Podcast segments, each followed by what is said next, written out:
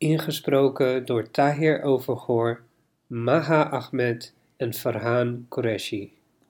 أعوذ بالله من الشيطان الرجيم بسم الله الرحمن الرحيم Ik zoek mijn toevlucht bij Allah tegen Satan, de vervloekte. In naam van Allah, de barmhartige, de genadevolle. Titel: de noodzaak van de imam door Mirza Ghulam Ahmad. Bismillahirrahmanirrahim. Alhamdulillahi wa salamun ala ibadihi alladhina astafa. Mogen het duidelijk zijn dat er een authentieke, betrouwbare hadith is die bevestigt dat degene die niet de imam van deze tijd erkent, zal sterven in onwetendheid. Deze hadith is voldoende om een godvrezende met heel zijn hart te laten zoeken naar de imam van deze tijd. Want om te sterven in onwetendheid is zo'n grote ramp dat geen enkel ander kwaad of ongeluk dit kan overtreffen. Het is daarom noodzakelijk voor elke zoeker naar de waarheid om vanwege dit profetische testament te blijven volharden in zijn zoektocht naar de ware imam. Het is fout om te veronderstellen dat iedereen die een ware droom ervaart, of voor wie de deur van goddelijke openbaring wordt geopend, met deze titel kan worden aangesproken. Het wezen van de imam omvat een volwaardig en volmaakte geestelijke toestand, waardoor hij in de hemel imam kan worden genoemd. Het is duidelijk dat niemand zich imam kan noemen alleen op basis van rechtschapenheid en vroomheid. God, de Almachtige, zegt: وجعلنا للمتقين Imama. En maak ons tot voorbeeld voor de godvruchtigen. Koran hoofdstuk 25 vers 75. Als ieder rechtschapen persoon beschouwd zou kunnen worden als een imam, dan zouden alle godvruchtigen automatisch een imam worden en het zal volstrekt in strijd zijn met de strekking van dit vers. Op gelijke wijze kan volgens de verzen van de Heilige Koran niet elke ontvanger van openbaring of iemand die ware dromen ervaart als een imam worden beschouwd. Want die eigenschappen zijn al in de Heilige Koran aan de gewone gelovige beloofd. Lahumul bushra dunya. Er zijn voor hun blijde tijdingen in het tegenwoordige leven. Koran, hoofdstuk 10, vers 65. Met andere woorden, in deze wereld zullen de gelovigen gezegend worden met deze gunst en zullen vele ware dromen ervaren en ware openbaringen ontvangen. Elders in de Heilige Koran staat nogmaals vermeld إن الذين قالوا ربنا الله ثم استقاموا تتنزل عليهم الملائكة ألا تخافوا ولا تحزنوا Voorzeker zij die zeggen: Onze Heer is Allah en daarin standvastig blijven. Op hun zullen de engelen nederdalen. Koran, hoofdstuk 41, vers 31. Dat wil zeggen dat degenen die in Allah geloven en dit blijven doen, degenen zullen zijn aan wie de engelen openbaringen met goede berichten zullen blijven doorgeven en hun gerust zullen blijven stellen, net als de moeder van Mozes door goddelijke openbaring werd gerustgesteld. De Heilige Koran geeft echter wel aan dat dergelijke openbaringen of dromen een spirituele gunst is die aan gelovigen wordt geschonken, of zij nu man of vrouw zijn. Het feit dat zij ontvangers zijn van dergelijke openbaringen betekent niet dat zij geen imam van de tijd meer nodig hebben. Vaker wel dan niet zijn dergelijke openbaringen aan hun van persoonlijke aard en brengen zij geen spirituele kennis over. Noch zijn zij waardig genoeg om grote aanspraken te maken. Daarnaast zijn veel van deze openbaringen onbetrouwbaar. Anderzijds kunnen dergelijke openbaringen de oorzaak zijn dat iemand de fout in gaat. En zolang dit niet ver- vergezeld wordt met de geestelijke leiding van de imam van de tijd, zal men niet immuun zijn voor dergelijke gevaren. Een voorbeeld hiervan kan gevonden worden in de beginperiode van de islam. Een van de schrijvers van de Heilige Koran kreeg soms de openbaring van het Koranvers vanwege de nabijheid van het prof- profetische licht, terwijl de imam, de profeet, vrede en zegeningen zijn met hem, het vers wilde gaan dicteren. Op een dag dacht hij bij zichzelf: Wat voor een verschil is er eigenlijk tussen mij en de heilige profeet, vrede en zegeningen zijn met hem? Ik ontvang ook openbaringen. Deze wijze van denken leidde tot zijn ondergang. Er is zelfs vastgesteld dat hij zelfs in zijn graf geen rust vond, net zoals Balaam, die op dezelfde wijze zijn ondergang tegemoet ging.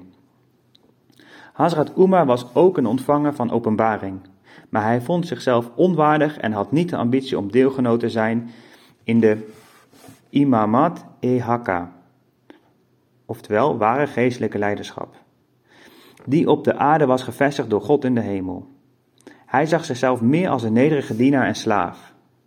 Om die reden en door de genade van God werd hij gekozen tot opvolger van de ware imamat. Uwais Karni was ook een ontvanger van openbaringen. Hij was zo nederig dat hij zelfs respectloos vond om zichzelf te presenteren voor de zon van profeetschap en imamat.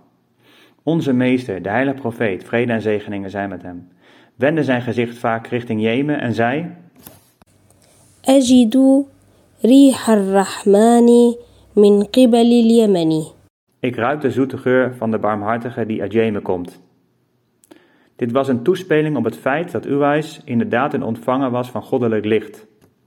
Het is echter jammer dat de meeste mensen van deze tijd zich niet bewust zijn van de noodzaak van de ware imamat. Door het ervaren van een op zichzelf staande droom of van een paar flarden van een openbaring verbeelden zij zich dat zij de imam van deze tijd niet nodig hebben. Zijn wij dan minder? Zo lijken zij zich af te vragen.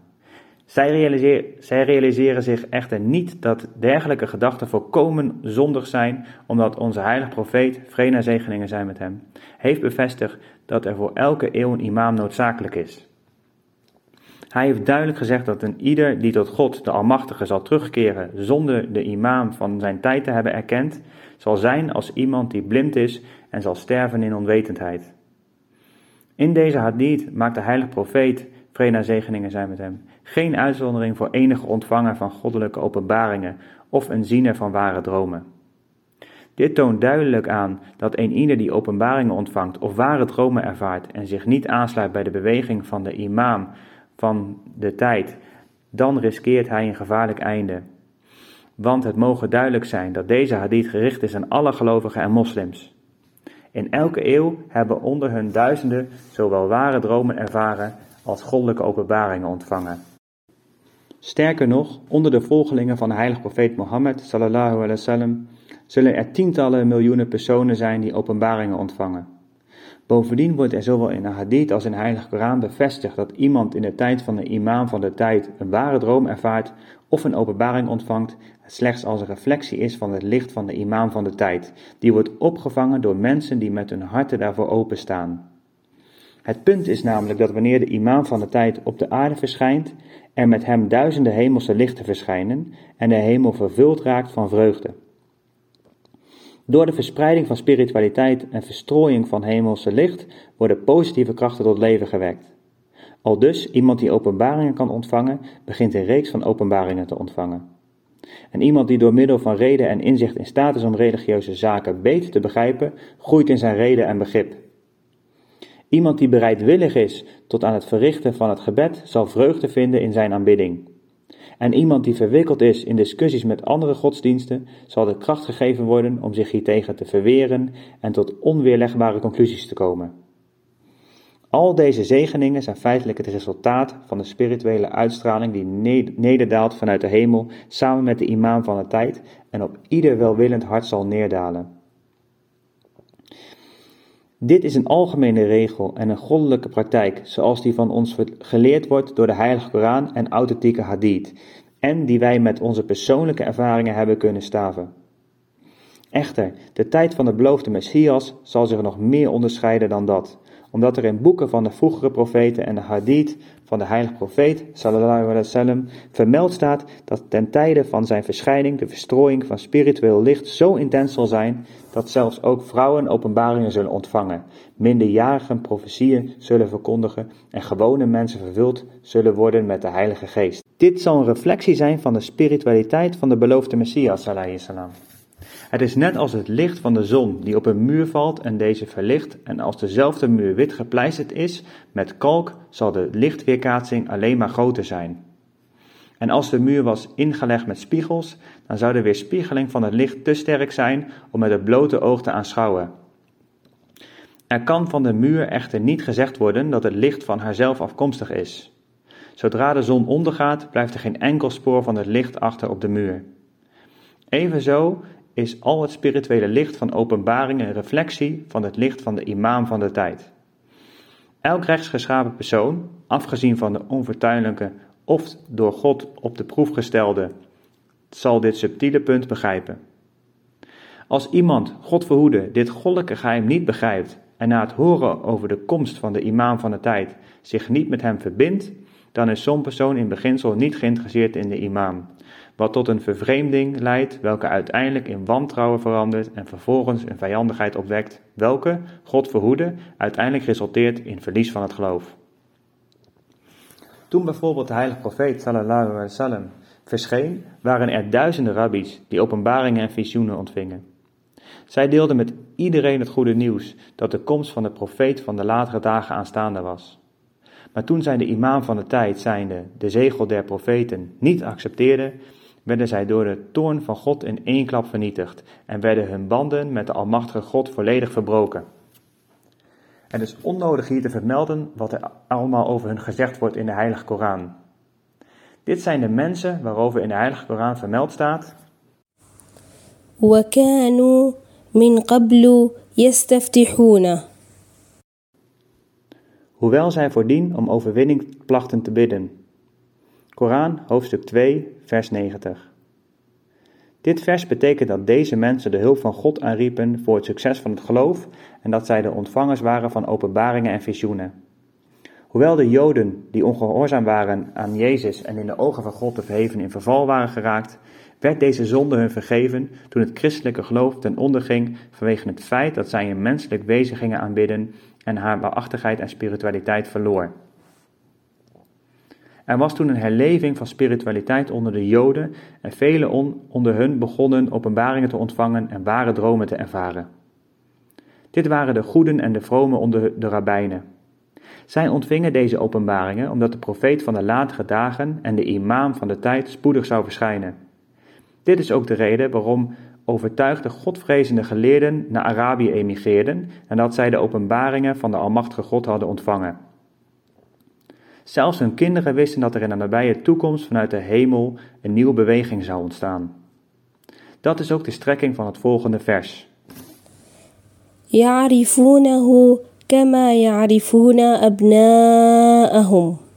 Zij erkennen dit als de waarheid zoals zij hun zonen erkennen.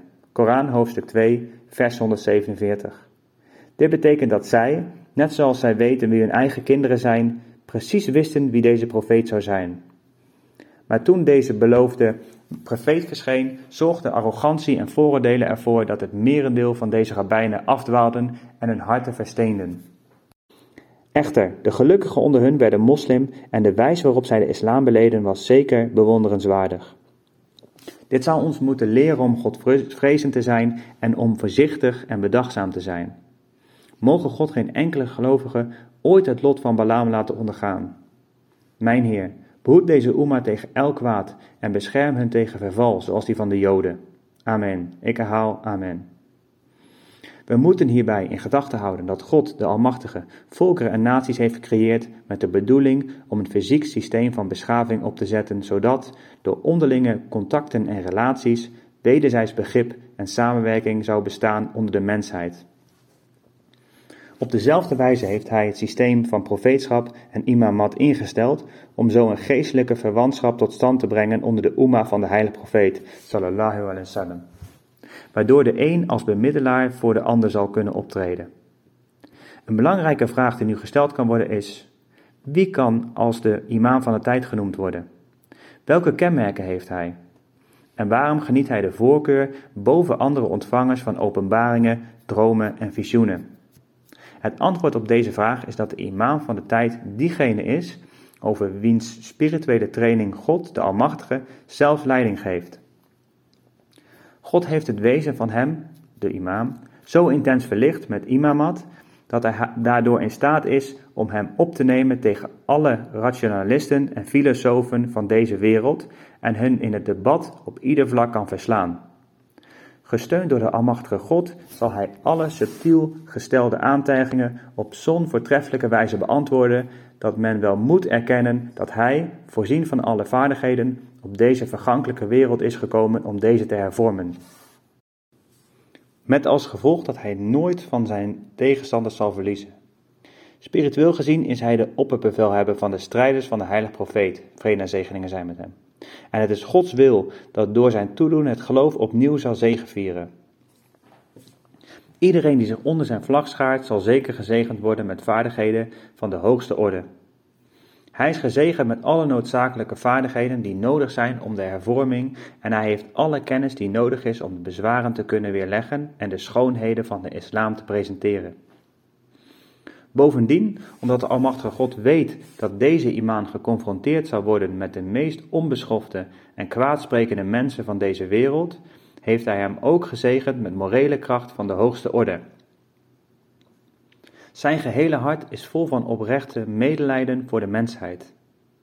Echter, morele moed betekent niet dat zij zonder meer in alle gevallen vergevingsgezind is, want dit zou weer in strijd zijn met morele wijsheid.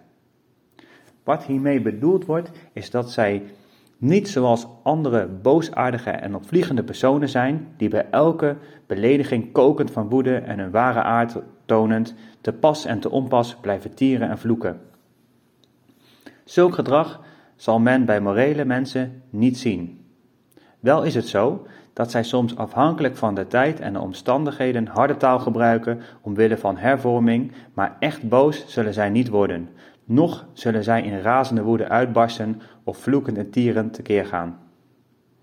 Soms feinzen zij woede om iemand te overtuigen, terwijl zij in hun hart al die tijd volkomen gelukkig, rustig en tevreden zijn. Om die reden gebruikte Jezus, vrede zijn met hem, tegenover anderen vaak harde taal met woorden zoals zwijn, honden, ongelovigen, overspeligen en dergelijke. Maar we kunnen niet zeggen dat het hem aan hoge morele kwaliteiten ontbrak, want hij zelf was degene die deze hoge morele waarden aan anderen onderwees en de nadruk legde op barmhartigheid.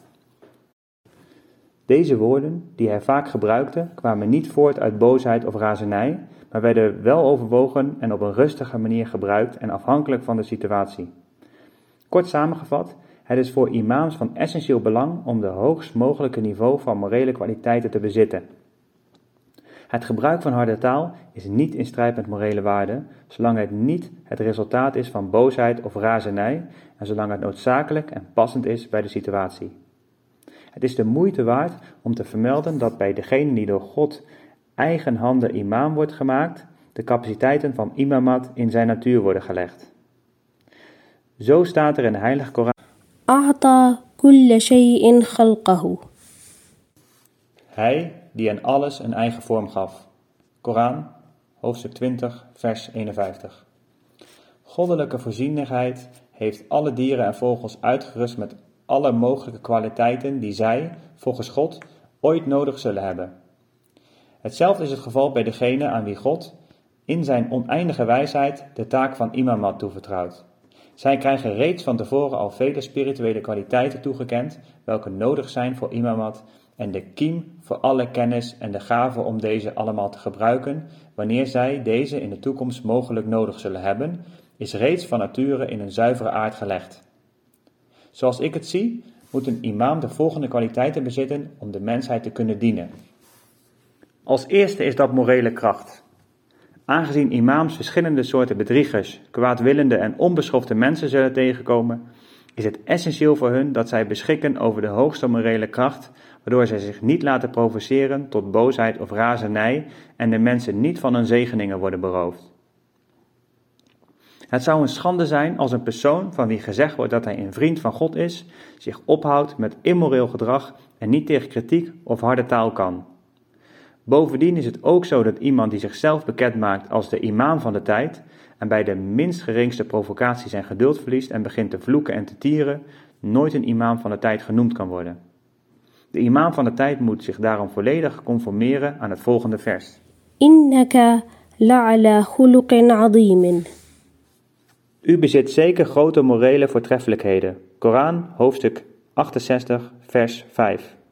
Als tweede is het de kracht van imamaat, op grond waarvan hij de imam wordt genoemd.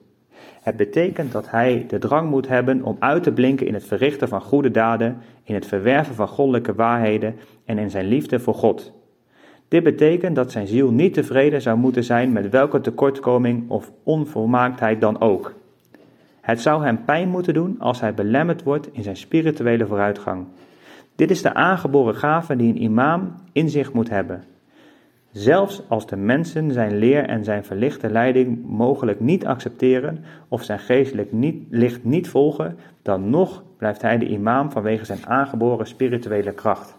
Kortom, het is de moeite waard om te onthouden dat dit bewonderenswaardige aspect van imamat ingebakken zit in de aard van degene die door Gods wil voor dit ambt is aangewezen.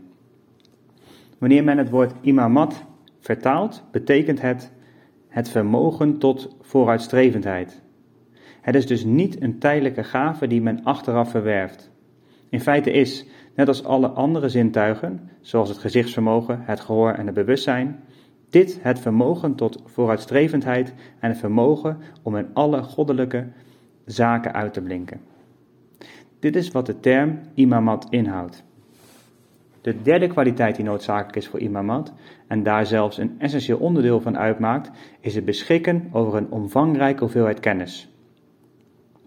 Imamat houdt in dat men altijd blijft doorgroeien in waarheden, in kennis, in de essenties van liefde, in oprechtheid en in loyaliteit. Daarom zal een imam al zijn energie insteken om dit doel te bereiken en daarbij altijd het volgende gebed blijven reciteren. Rabbi zidni ilman. O mijn Heer, doe mij toenemen in kennis. Koran, hoofdstuk 20, vers 115. Al zijn vermogens en zijn zintuigen zijn al ingesteld om deze activiteiten uit te voeren.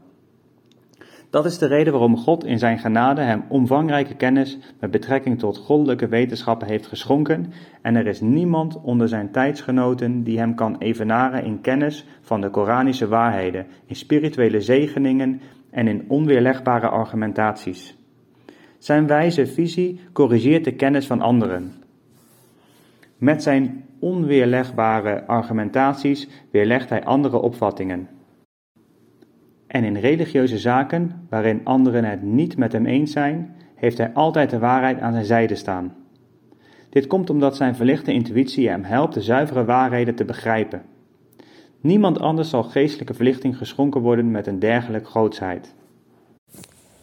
وذلك فضل الله يؤتيه من يشاء En dit is Allahs genade. Hij schenkt haar aan wie hij wil. Koran, hoofdstuk 62, vers 5.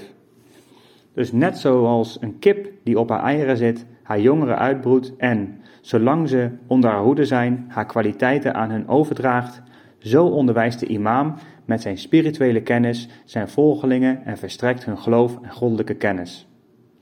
Het hebben van dergelijke allesomvattende kennis is echter niet noodzakelijk voor andere ontvangers van openbaring en rechtschapen mensen, omdat zij niet belast zijn met de hervorming en educatie van de mensheid. Het maakt voor zulke vrome mensen en zieners niet veel uit als het hun aan kennis ontbreekt of dat zij deels onwetend zijn, want zij zijn niet de kapiteins op een schip, echter, zij hebben er zelf een nodig. Zij moeten geen absurde uitspraken doen als: We hebben geen spirituele kapitein nodig, want wij zijn zelf al bekwaam genoeg. Zij moeten in gedachten houden dat zij hem nodig hebben, net zoals een vrouw een man nodig heeft. Op die wijze heeft God iedereen met een doel geschapen. En iedereen die beweert een imam te zijn, terwijl hij niet voor dat doel geschapen is, zal niets anders doen dan hoon van de mensheid ten deel vallen.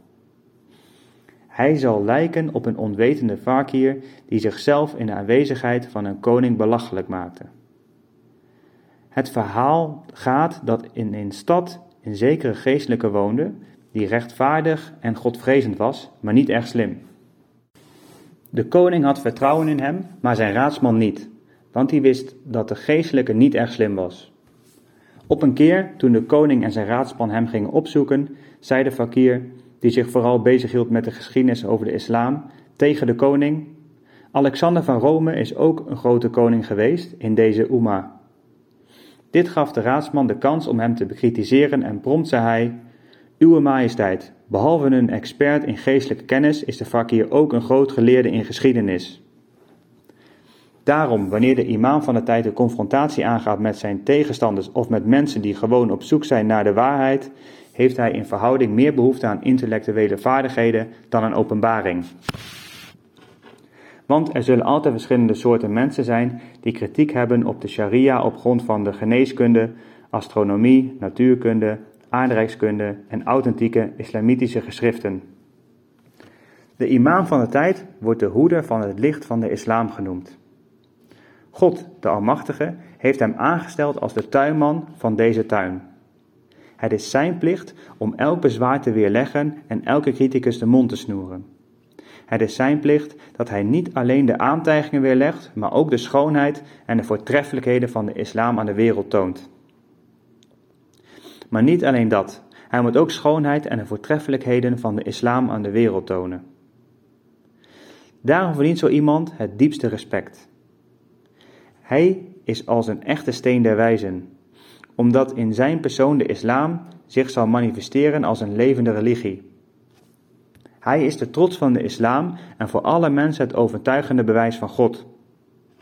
Niemand heeft het recht om hem te verloochenen, want bij de gratie Gods is hij de verdediger van de eer van de islam, de weldoener voor alle moslims en omvat hij alle voortreffelijkheden van het geloof als een schild.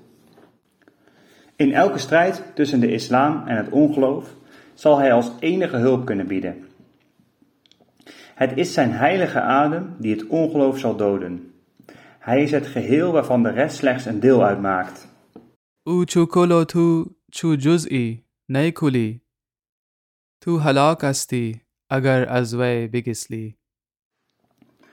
Hij is het geheel en u bent slechts een deel ervan en niet het geheel. U zult vergaan als u zich van hem afwendt. De vierde kwaliteit is vastberadenheid, wat onmiskenbaar is voor de imam van de tijd.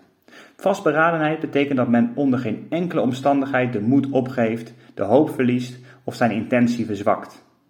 Vaak worden profeten, heiligen en hervormers, die allen imams van de tijd zijn, blootgesteld aan zulke zware beproevingen en tegenslagen dat het lijkt of God, de verhevene, hun in de steek heeft gelaten en de bedoeling heeft hun te vernietigen. En dikwijls worden openbaringen en goddelijke inspiratie onderbroken en ontvangen zij een tijd lang geen openbaringen. Soms komen hun voorspellingen tot vervulling in de vorm van beproevingen en wordt de waarachtigheid ervan door de gewone mensen niet begrepen. En soms laat het bereiken van hun doel op zich wachten en lijkt het soms alsof zij in deze wereld in de steek zijn gelaten, verlaten zijn, vervloekt zijn en afgewezen zijn. Iedereen die hun beledigt en uitscheldt, denkt daarmee een goede daad te verrichten. Iedereen minacht hen. Men kijkt met walging op hun neer en zelfs op hun begroeting reageren zij niet graag. Op zulke momenten wordt hun vastberadenheid op de proef gesteld. Onder geen beding raken zij ontmoedigd gedurende dergelijke proevingen, noch verlaten zij hun werkzaamheden en gaan door totdat goddelijke hulp arriveert. De vijfde kwaliteit die noodzakelijk is voor de imam van de tijd is het vertrouwen op God. Dit betekent dat zij zich in tijden van beproevingen, wanneer zij geconfronteerd worden met bittere vijandschap en aan hun een teken wordt gevraagd, of een overwinning nodig hebben, of iemand sympathie hun daartoe verplicht, zij zodanig tot God wenden in hun gebeden en hulp noodzakelijk is, zodanig tot God wenden in hun gebeden, welke vol zijn van wijsheid, oprechtheid, liefde, trouw en van een onwankelbare vastberadenheid, dat deze commotie in de hemel veroorzaakt. Hun toegewijde en nederige smeekgebeden brengt een golf van verdriet teweeg in de hemel, wat onrust veroorzaakt onder de engelen. Dan, net zoals er na een zeer heet seizoen wolken aan de lucht verschijnen, begint de gloed van hun vertrouwen op God of de warmte van hun diepe toewijding aan Hem iets te vormen in de hemel Lotsbestemmingen veranderen en Gods wil neemt een andere wending totdat de koele bries van voorzienigheid begint te waaien. En net zoals God het stofje creëert die koorts veroorzaakt, zo creëert Hij het tegengif dat het verdrijft op goddelijk bevel. Het vertrouwen op God dat dergelijke mensen hebben, heeft precies hetzelfde effect. آن دعای شیخ نه چون هر دعاست فانی است و دست او دست خداست het gebed van de heilige is geen gewoon gebed. Ondanks dat hij een sterveling is, is zijn hand de hand van God. En het vertrouwen welke de imam van de tijd in God stelt, dat wil zeggen zijn opgaan tot God, is intenser en effectiever dan die van alle heiligen bij elkaar. Bijvoorbeeld, Mozes was de imam van zijn tijd en Balaam was de heilige van zijn tijd. Hij communiceerde met God en zijn gebeden werden verhoord. Echter, toen Balaam zich afzette tegen Mozes, werd Balaam hierom ten gronde gericht. Net als een scherp zwaard in een oogwenk het hoofd van het lichaam scheidt. De onfortuinlijke Balaam was niet bekend met het principe dat iemand die zich, ondanks dat God met hem spreekt en hem als zijn geliefde en uitverkorene beschouwt, afzet tegenover iemand die meer doordrenkt is van goddelijke genade, zeker vernietigd zal worden. Nog enige openbaring, nog het feit dat zijn gebeden geaccepteerd werden, konden hem redden. Dit was slechts één Balaam. Echter, duizenden van zulke Balaams zijn ten onder gegaan in de tijd van onze heilige profeet sallallahu alaihi wasallam. Want de meeste Joodse rabbijnen waren als Balaam geworden nadat het christendom in verval was geraakt. De zesde vereiste voor de imam is het voortdurend ontvangen van visioenen en openbaringen. Vaak ontvangt de imam van de tijd kennis, wijsheid en inzichten van God de verhevene middels openbaring. De openbaringen die hij ontvangt kunnen niet vergeleken worden met die van anderen, omdat zij zowel in kwaliteit als in kwantiteit veruit superieur en onovertrefbaar zijn. Het is via hun dat de poorten van kennis worden opengegooid en de waarheden van de Koran worden geopenbaard en alle problemen en moeilijkheden met betrekking tot het geloof worden opgelost. Bovendien openbaren zij profetieën van de hoogste orden waarmee zij een schok teweeg brengen bij hun tegenstanders. Kortom, visioenen en openbaringen van de imams van de tijd hebben niet alleen betrekking op hun persoon, maar zijn buitengewoon nuttig en bruikbaar om de religie te helpen en het geloof te versterken. God de Verhevene spreekt heel duidelijk tot hun en beantwoordt hun gebeden. En soms ontstaat er een dialoog waarbij de vragen en antwoorden elkaar razendsnel opvolgen. Dit alles vindt plaats in de vorm van een openbaring die wel bespraakt, betoverend en zo puur is dat de ontvanger gelooft alsof hij God zelf heeft aanschouwd. De wijze waarop de imam van de tijd een openbaring ontvangt is niet als een heimelijk gegooide steen door iemand die daarna wegrent zonder iemand te vertellen wie hij was en waar hij naartoe gaat. God de Verhevene daarentegen komt heel dicht naar hen toe, enigszins zijn heilige en stralende aangezicht onthullend, welke één en al licht is. Anderen ervaren dit niet als zodanig en hebben zo nu en dan het gevoel alsof iemand anders de spot met hen drijft. De geopenbaarde profetieën van de imam van de tijd staan gelijk aan het ontsluieren van het ongeziene. Met andere woorden, de profetieën omvatten volledig het ongeziene, net zoals een ruiter die zijn paard volledig onder controle heeft. De reden waarom aan hun openbaring deze kracht en manifestatie wordt verleend, is om ervoor te zorgen dat de absoluut zuivere openbaringen die aan hun wordt toevertrouwd niet verward mogen worden met satanistische ingevingen en dat zij als onweerlegbare argumenten kunnen dienen.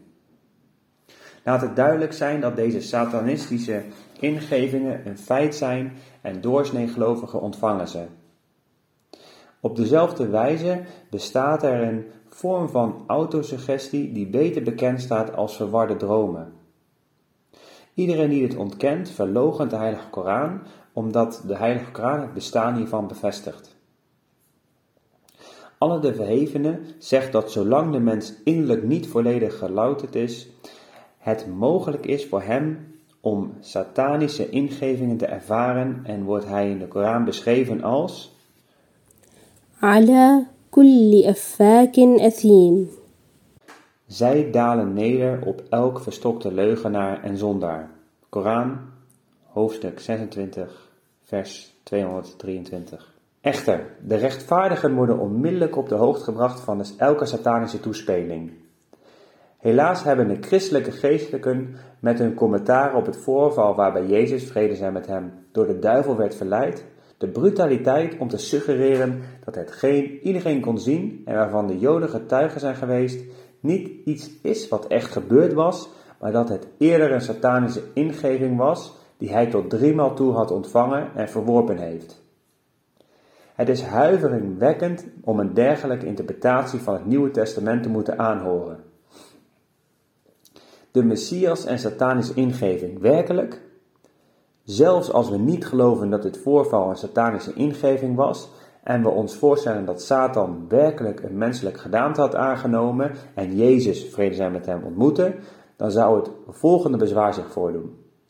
Als het inderdaad zo was dat Satan, de oude slang, zich in het echt openbaarde in een stoffelijke vorm en zichzelf ophield in de buurt van de heilige synagoge van de Joden, waar honderden mensen wonen, dan zouden duizenden mensen zich verzameld moeten hebben om hem te zien. Eigenlijk had Jezus zelf de Joden bij zich moeten roepen en hun de Satan moeten aanwijzen, wiens bestaan door een aantal van hun secten werd ontkend. En dit op zichzelf had beschouwd kunnen worden als een teken van de Messias en zouden vele mensen naar het rechte pad zijn geleid. Zelfs de hooggeplaatste functionarissen van het Romeinse Rijk zouden in Jezus vrede zijn met hem geloven als zij Satan zouden aanschouwen en hem zouden zien vliegen. Maar er gebeurde niets van dien aard. Dit versterkt het geloof dat het een soort van spirituele conversatie was, welke met andere woorden ook wel satanische ingeving wordt genoemd. Hoe dan ook, het herinnert mij eraan dat in de Joodse literatuur veel kwaadaardige personen Satan worden genoemd. Overeenkomstig dit gebruik noemde de Messias één van zijn eerbiedwaardige discipelen ook Satan. Matthäus hoofdstuk 16 vers 23. Het is dezelfde discipel die slechts enkele versen daarvoor de sleutels van het koninkrijk der hemelen had gekregen. Matthäus hoofdstuk 16, vers 19. Het is dus ook mogelijk dat een Joodse Satan naar Jezus, vrede zijn met hem, toe was gekomen om hem te bespotten en belachelijk te maken. En Jezus, vrede zijn met hem, zou hem Satan genoemd kunnen hebben, net zoals hij Petrus Satan had genoemd. De Joden staan bekend om hun misleiding en het is iets typisch Joods om dergelijke vragen op te werpen. Daarnaast is het ook mogelijk dat dit verhaal slechts een mythe is, welke met opzet of per ongeluk is opgetekend, want deze evangeliën zijn niet de evangeliën van de Messias, noch zijn zij ooit door hem geautoriseerd. Integendeel, zij zijn geschreven door discipelen of andere personen volgens hun eigen inzichten en ideeën, en om die reden verschillen zij van elkaar.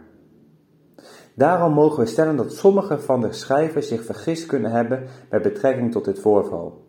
Net zoals sommige evangelisten zich vergissen en denken dat de Messias gestorven is aan het kruis. Het lag in natuur van de discipelen om dergelijke fouten te maken, aangezien de evangeliën vermeldt dat zij spiritueel niet erg intelligent waren. De Messias zelf getuigt dat zij niet erg slim waren en weinig inzicht en talenten hadden. In ieder geval is het zo dat geen enkele satanische gedachte kan doordringen in de zuivere harten van de rechtvaardigen. Als er al een dergelijk dubieuze gedachte in de buurt van hun harten komt, dan wordt deze onmiddellijk verdreven en verwijderd en blijft hun zuivere hart schoon en onaangetast. In de Heilige Koran wordt zo'n twijfeling, die lijkt op een halfgebakken gedachte, ta'if genoemd. In de Arabische taal wordt het ook wel ta'if, tauf, taif en taif genoemd. Dergelijke gedachten hebben weinig met het hart te maken. In feite hebben ze er helemaal niets mee van doen. Eigenlijk is zo'n twijfeling als een vage schaduw van een boom in de verte. Het is mogelijk dat de vervloekte Satan dergelijke twijfel in het hart van Jezus vrede zijn met hem wilde zaaien en dat Jezus door zijn profetische krachten in staat was om deze te verdrijven. De reden waarom ik dit alles moet vertellen is omdat dit verhaal niet alleen voorkomt in de evangeliën, maar ook in de authentieke hadith terug te vinden is. Zo staat er geschreven: عن محمد بن عمران الصيرفي قال حدثنا الحسن بن عليل العنزي عن العباس بن عبد الواحد عن محمد بن عمرو عن محمد بن مناذر عن سفيان بن عيينة عن عمرو بن دينار عن طاووس عن أبي هريرة قال جاء الشيطان إلى عيسى قال ألست تزعم أنك صادق؟ قال بلى. قال فأوفي على هذه الشاهقة فألقي نفسك منها. فقال ويلك ألم يقل الله يا ابن آدم لا تبلني بهلاكك فإني أفعل ما أشاء؟ محمد بن إمران Saifri vertelt dat hij heeft gehoord van Hassan bin Alil Anzi en deze heeft het van Abis bin Abdul Wahid. En hij heeft het weer van Mohammed bin Amr en hij heeft het weer van Mohammed bin Manadir en hij heeft het van Sufyan bin Aina en hij heeft het van Amr bin Dinar en hij van Taus en hij weer van Abu Huraira dat Satan naar Jezus kwam en zei, denk jij niet dat jij waarachtig bent? Jezus antwoordde, waarom niet? Satan zei, als dit waar is, klim deze berg op en spring er dan vanaf. Jezus zei, wee u, weet gij dan niet dat God heeft gezegd, beproef mij niet door uw eigen dood, want ik doe wat ik wil. Het is zo goed als zeker dat Satan naar hem toe moet, zijn gekomen op diezelfde wijze waarop Gabriel tot de boodschappers komt. Gabriel komt niet, zoals mensen dat doen, in een trein of op een geleend paard, met een tulband op en, en gewikkeld in chador. Het is veel eerder alsof hij van een andere dimensie komt. Bovendien, hoe durft Satan, die zo slecht is, zich zo publiekelijk als mens te vertonen? Wat dat betreft is het gezien deze discussie helemaal nog niet zo gek om het standpunt van Draper aan te nemen. Maar er kan echter wel zoveel gezegd worden dat Jezus, vrede zij met hem, met zijn profetische kracht en zijn zuiverheid nooit heeft toegestaan dat er ook maar enige vorm van een satanische invloed in de buurt zou kunnen komen. Hij zou het onmiddellijk verwerpen. En net zoals duisternis het licht niet kan verdragen, zo kon op diezelfde manier Satan het niet opnemen tegen Jezus en vluchten. En dat is ook precies de juiste betekenis van het vers. Inna ibadi laysa laka alayhim sultan. U zult over mijn dienaren zeker geen macht hebben. Koran, hoofdstuk 15, vers 43. Satan kan alleen diegenen domineren die onder zijn invloed bezwijken voor zijn verleidingen. Maar degenen die Satan van een afstand treffen met een pijl van licht en hem van zich afslaan en weigeren zich aan zijn nonsens te onderwerpen, zijn gevrijwaard van zijn invloed. Echter, omdat God de Almachtige wil dat deze mensen zowel het hemelse als het wereldlijke koninkrijk zien en Satan tot het wereldlijke koninkrijk behoort, moeten zij, om de ware betekenis van de schepping te begrijpen, daarom een glimp opvangen van het gezicht en de stem horen van het bizarre schepsel die bekend staat als Satan. Maar dit zal hun zuiverheid en oprechtheid echter op geen enkele wijze schaden. Satan deed, overeenkomstig zijn eeuwenoude praktijk van twijfel zaaien, een boosaardig voorstel aan Jezus, welke door zijn vrome natuur spontaan verworpen en geweigerd werd om het te aanvaarden. Dit deed op geen enkele manier afbreuk aan zijn verheven positie. Is het niet zo dat zelfs bedriegers soms in de aanwezigheid van koningen spreken? Spiritueel gezien was het dus zo dat Satan zijn woorden in zijn hart legde. Jezus, vrede zijn met hem, accepteerde deze satanische invloeden niet en verwierp het eenvoudigweg. Dit was zeker een bewonderenswaardige daad. Het bekritiseren ervan is dwaas en getuigt van weinig kennis van spirituele filosofie. Niet elke heilige of soefi is in staat om de kwaadaardige bedoelingen van Satan te weerstaan en te ontmaskeren, zoals Jezus, vrede zijn met hem, deed met de zweep van zijn licht. Said Abdul Qadir Jilani vertelt, ook ik heb wel eens een satanische ingeving ontvangen.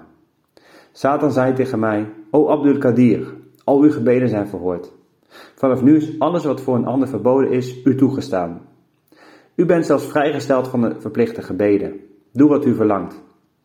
Hierop zei ik, ga weg, o Satan. Hoe kan iets wat zelfs voor de heilige profeet sallallahu alaihi wasallam niet was toegestaan, wel voor mij toegestaan worden? Hierna verdween Satan uit mijn zicht, samen met zijn gouden troon. Welnu, als zelfs een man van God en een uniek menselijk persoon als Said Abdul Qadir een satanische ingeving ontving, hoe kunnen gewone mensen, die hun spirituele ontwikkeling nog niet volledig hebben voltooid, hiertegen bestand zijn, omdat zij, in tegenstelling tot Said Abdul Qadir en Jezus, het spirituele zicht niet hebben waarmee zij satanische ingevingen herkennen? Onthoud dat de waarzeggers, die in grote getalen aanwezig waren in Arabië voor de komst van de heilige profeet sallallahu alaihi wasallam, regelmatig satanische ingevingen ervoeren op grond waarvan zij soms voorspellingen deden. Merkwaardig genoeg bleken enkele van hun voorspellingen uit te komen. De islamitische literatuur staat bol van dergelijke verhalen. Iedereen die daarom satanische ingevingen ontkent, ontkent daarmee niet alleen alle leerstellingen van profeten, maar ook de instelling van het profeetschap.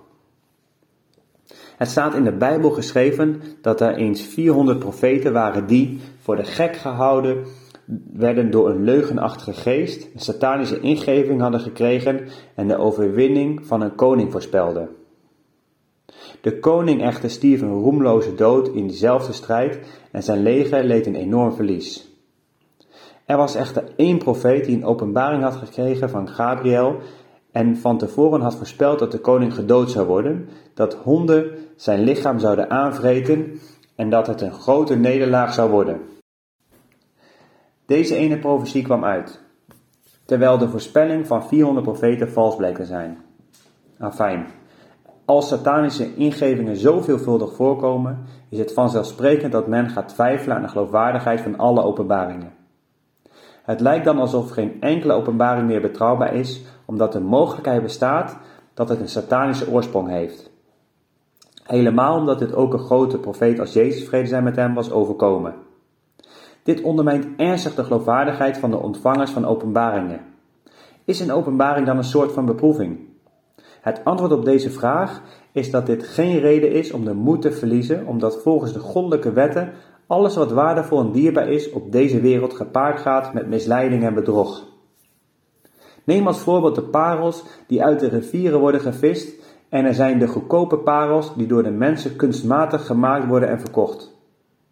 De handel in echte parels echter kan niet tegengehouden worden, alleen maar omdat er ook namaakparels bestaan, want de juweliers die door de Almachtige God begiftigd zijn met inzicht, zien in één oogopslag het verschil tussen de echte en de namaakparels. Op diezelfde manier is de juwelier van de parels van openbaring de imam van de tijd. Door in zijn gezelschap te blijven zal een persoon gemakkelijk het onderscheid zien tussen het echte en het onechte. O mystici, o slachtoffers van dit bedrog, betreed dit pad met zorg en onthoud dat een ware openbaring, welke alleen van de Almachtige God afkomstig is, vergezeld gaat met de volgende tekenen. 1. Het wordt ervaren in een toestand van intense ontroering, waardoor het hart van een mens smelt en het als een helder water naar de Almachtige God stroomt.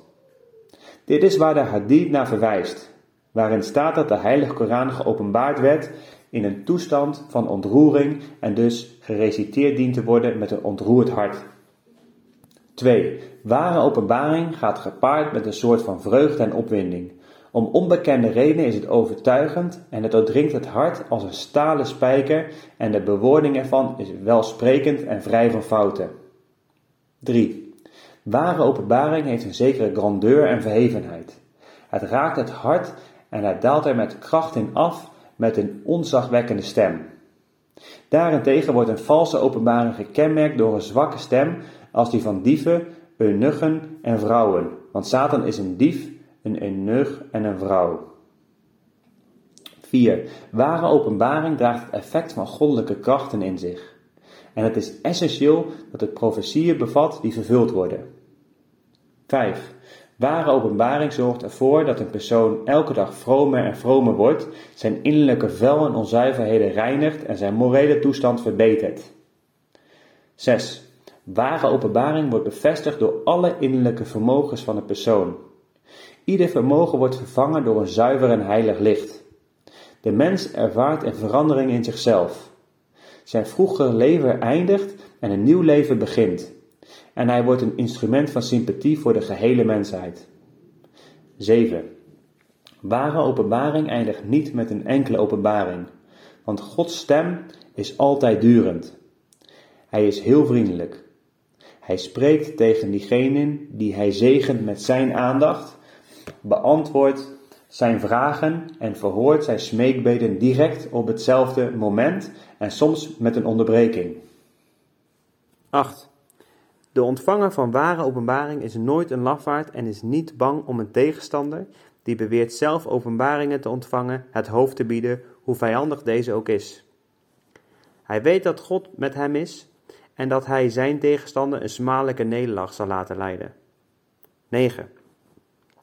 Ware openbaring is een middel om zowel spirituele waarheden als wetenschappen te begrijpen, want God wil niet dat de ontvanger van zijn openbaring onwetend is en verstoken blijft van kennis.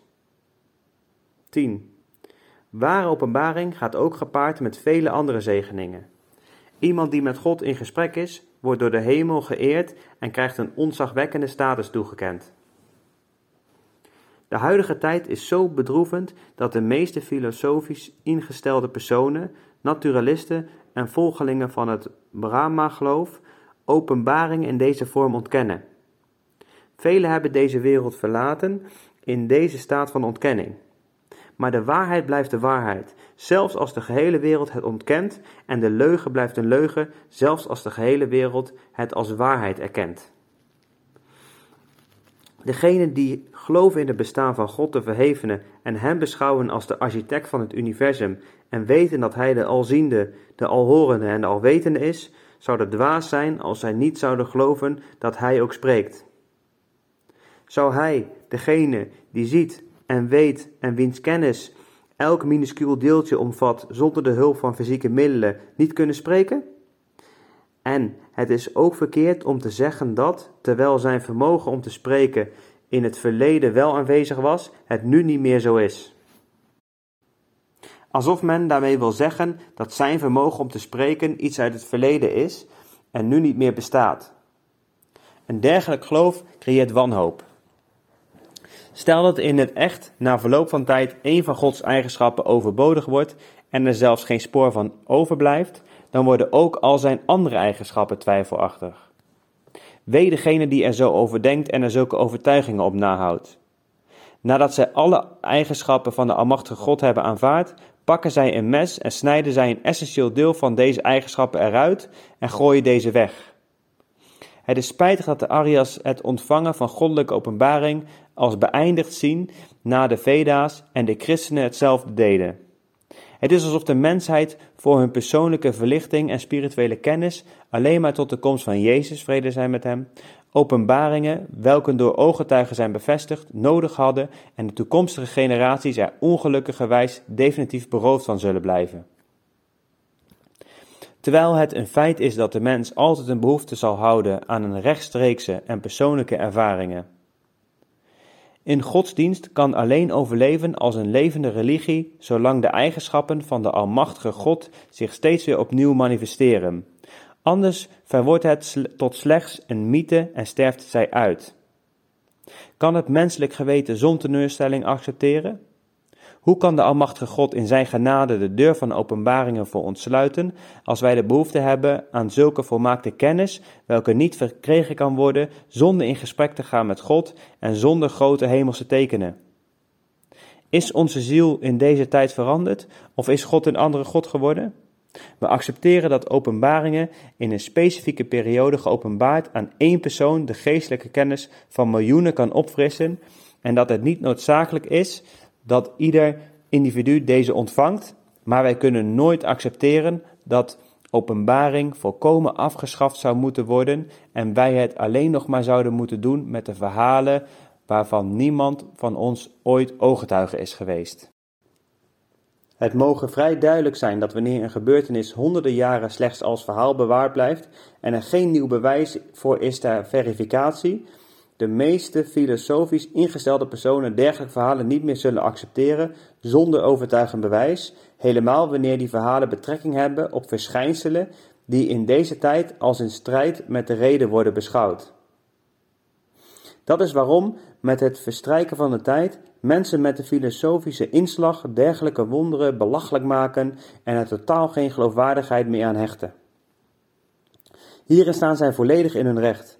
Want diep in hun harten weten zij dat God niet veranderd is, zijn eigenschappen niet veranderd zijn, onze behoeften dezelfde zijn als voorheen en elke ziel schreeuwt om geestelijke verlichting, dus waarom zouden er geen openbaringen meer kunnen plaatsvinden? Miljoenen hindoes zijn atheïst geworden omdat de pandits hun herhaaldelijk onderwezen dat er miljoenen jaren geleden een einde was gekomen aan openbaringen. Hun gehele wezen werd door één gedachte gekweld. Als openbaringen werkelijk bestaan, waarom zou het dan na de Veda's zijn opgehouden, terwijl er juist meer behoefte is aan nieuwe openbaringen van Parameshwar? Dat is de reden waarom het atheïsme zich zo ongebreideld verspreidt in het land van de Arya's en dat is ook de reden waarom men honderden secten binnen het hindoeïsme vindt die de spot drijven met de Veda's en deze verwerpen. Onder hun zijn de Jains en ook de Sikhs die het hindoeïsme om deze reden hebben verlaten. Dit komt omdat binnen het hindoeïsme honderden voorwerpen worden beschouwd als deelgenoten van God. Er is zo'n overvloed aan polytheïstische overtuigingen dat het moeilijk is om enig spoor van Parameshwar te vinden. Bovendien is de aanspraak op de goddelijke oorsprong van de Veda slechts gebaseerd op een ongefundeerde mythe van miljoenen jaren geleden en niet onderbouwd door middel van recente bewijzen. Om die reden geloven de orthodoxe Sikhs niet in de Veda's. In verband hiermee heeft een Sikh een artikel geschreven welke op 26 september 1898 in de Akbar-e-Am is verschenen. Hierin bevestigt hij dat de Khalsas niet geloven in de Veda's en dit is wat de goeroes hebben onderwezen. Hij citeert ook versen uit de Grant dat men niet in de Veda's moet geloven en dat zij nog de volgelingen zijn van de Veda's, nog deze accepteren. Toegegeven moet worden dat de schrijver ook niet loyaal is aan de Heilige Koran. Dit komt omdat de Sikh, Sikhs onbekend zijn met de islam en zich niet bewust zijn van het licht waar God de Almachtige de, de islam mee heeft gezegend. Nog hebben zij, uit onwetendheid en vanwege vooroordelen, enige notie van kennis waarmee de Heilige Koran doordrenkt is. En als gemeenschap zijn zij nauwer verbonden met de Hindoes dan met de moslims. Anders was het voor hun voldoende geweest om de boodschap te volgen welke als testament, geborduurd op de Chola Sahib van Baba Nanak Sahib, door hem is achtergelaten, namelijk dat de islam de enige juiste en waarachtige godsdienst is.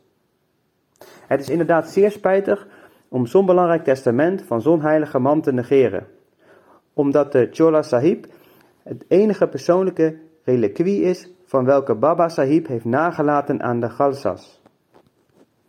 Voor wat betreft de versen van de Grand Sahib, deze werden veel later verzameld en wetenschappers hebben daar behoorlijk wat bedenkingen over.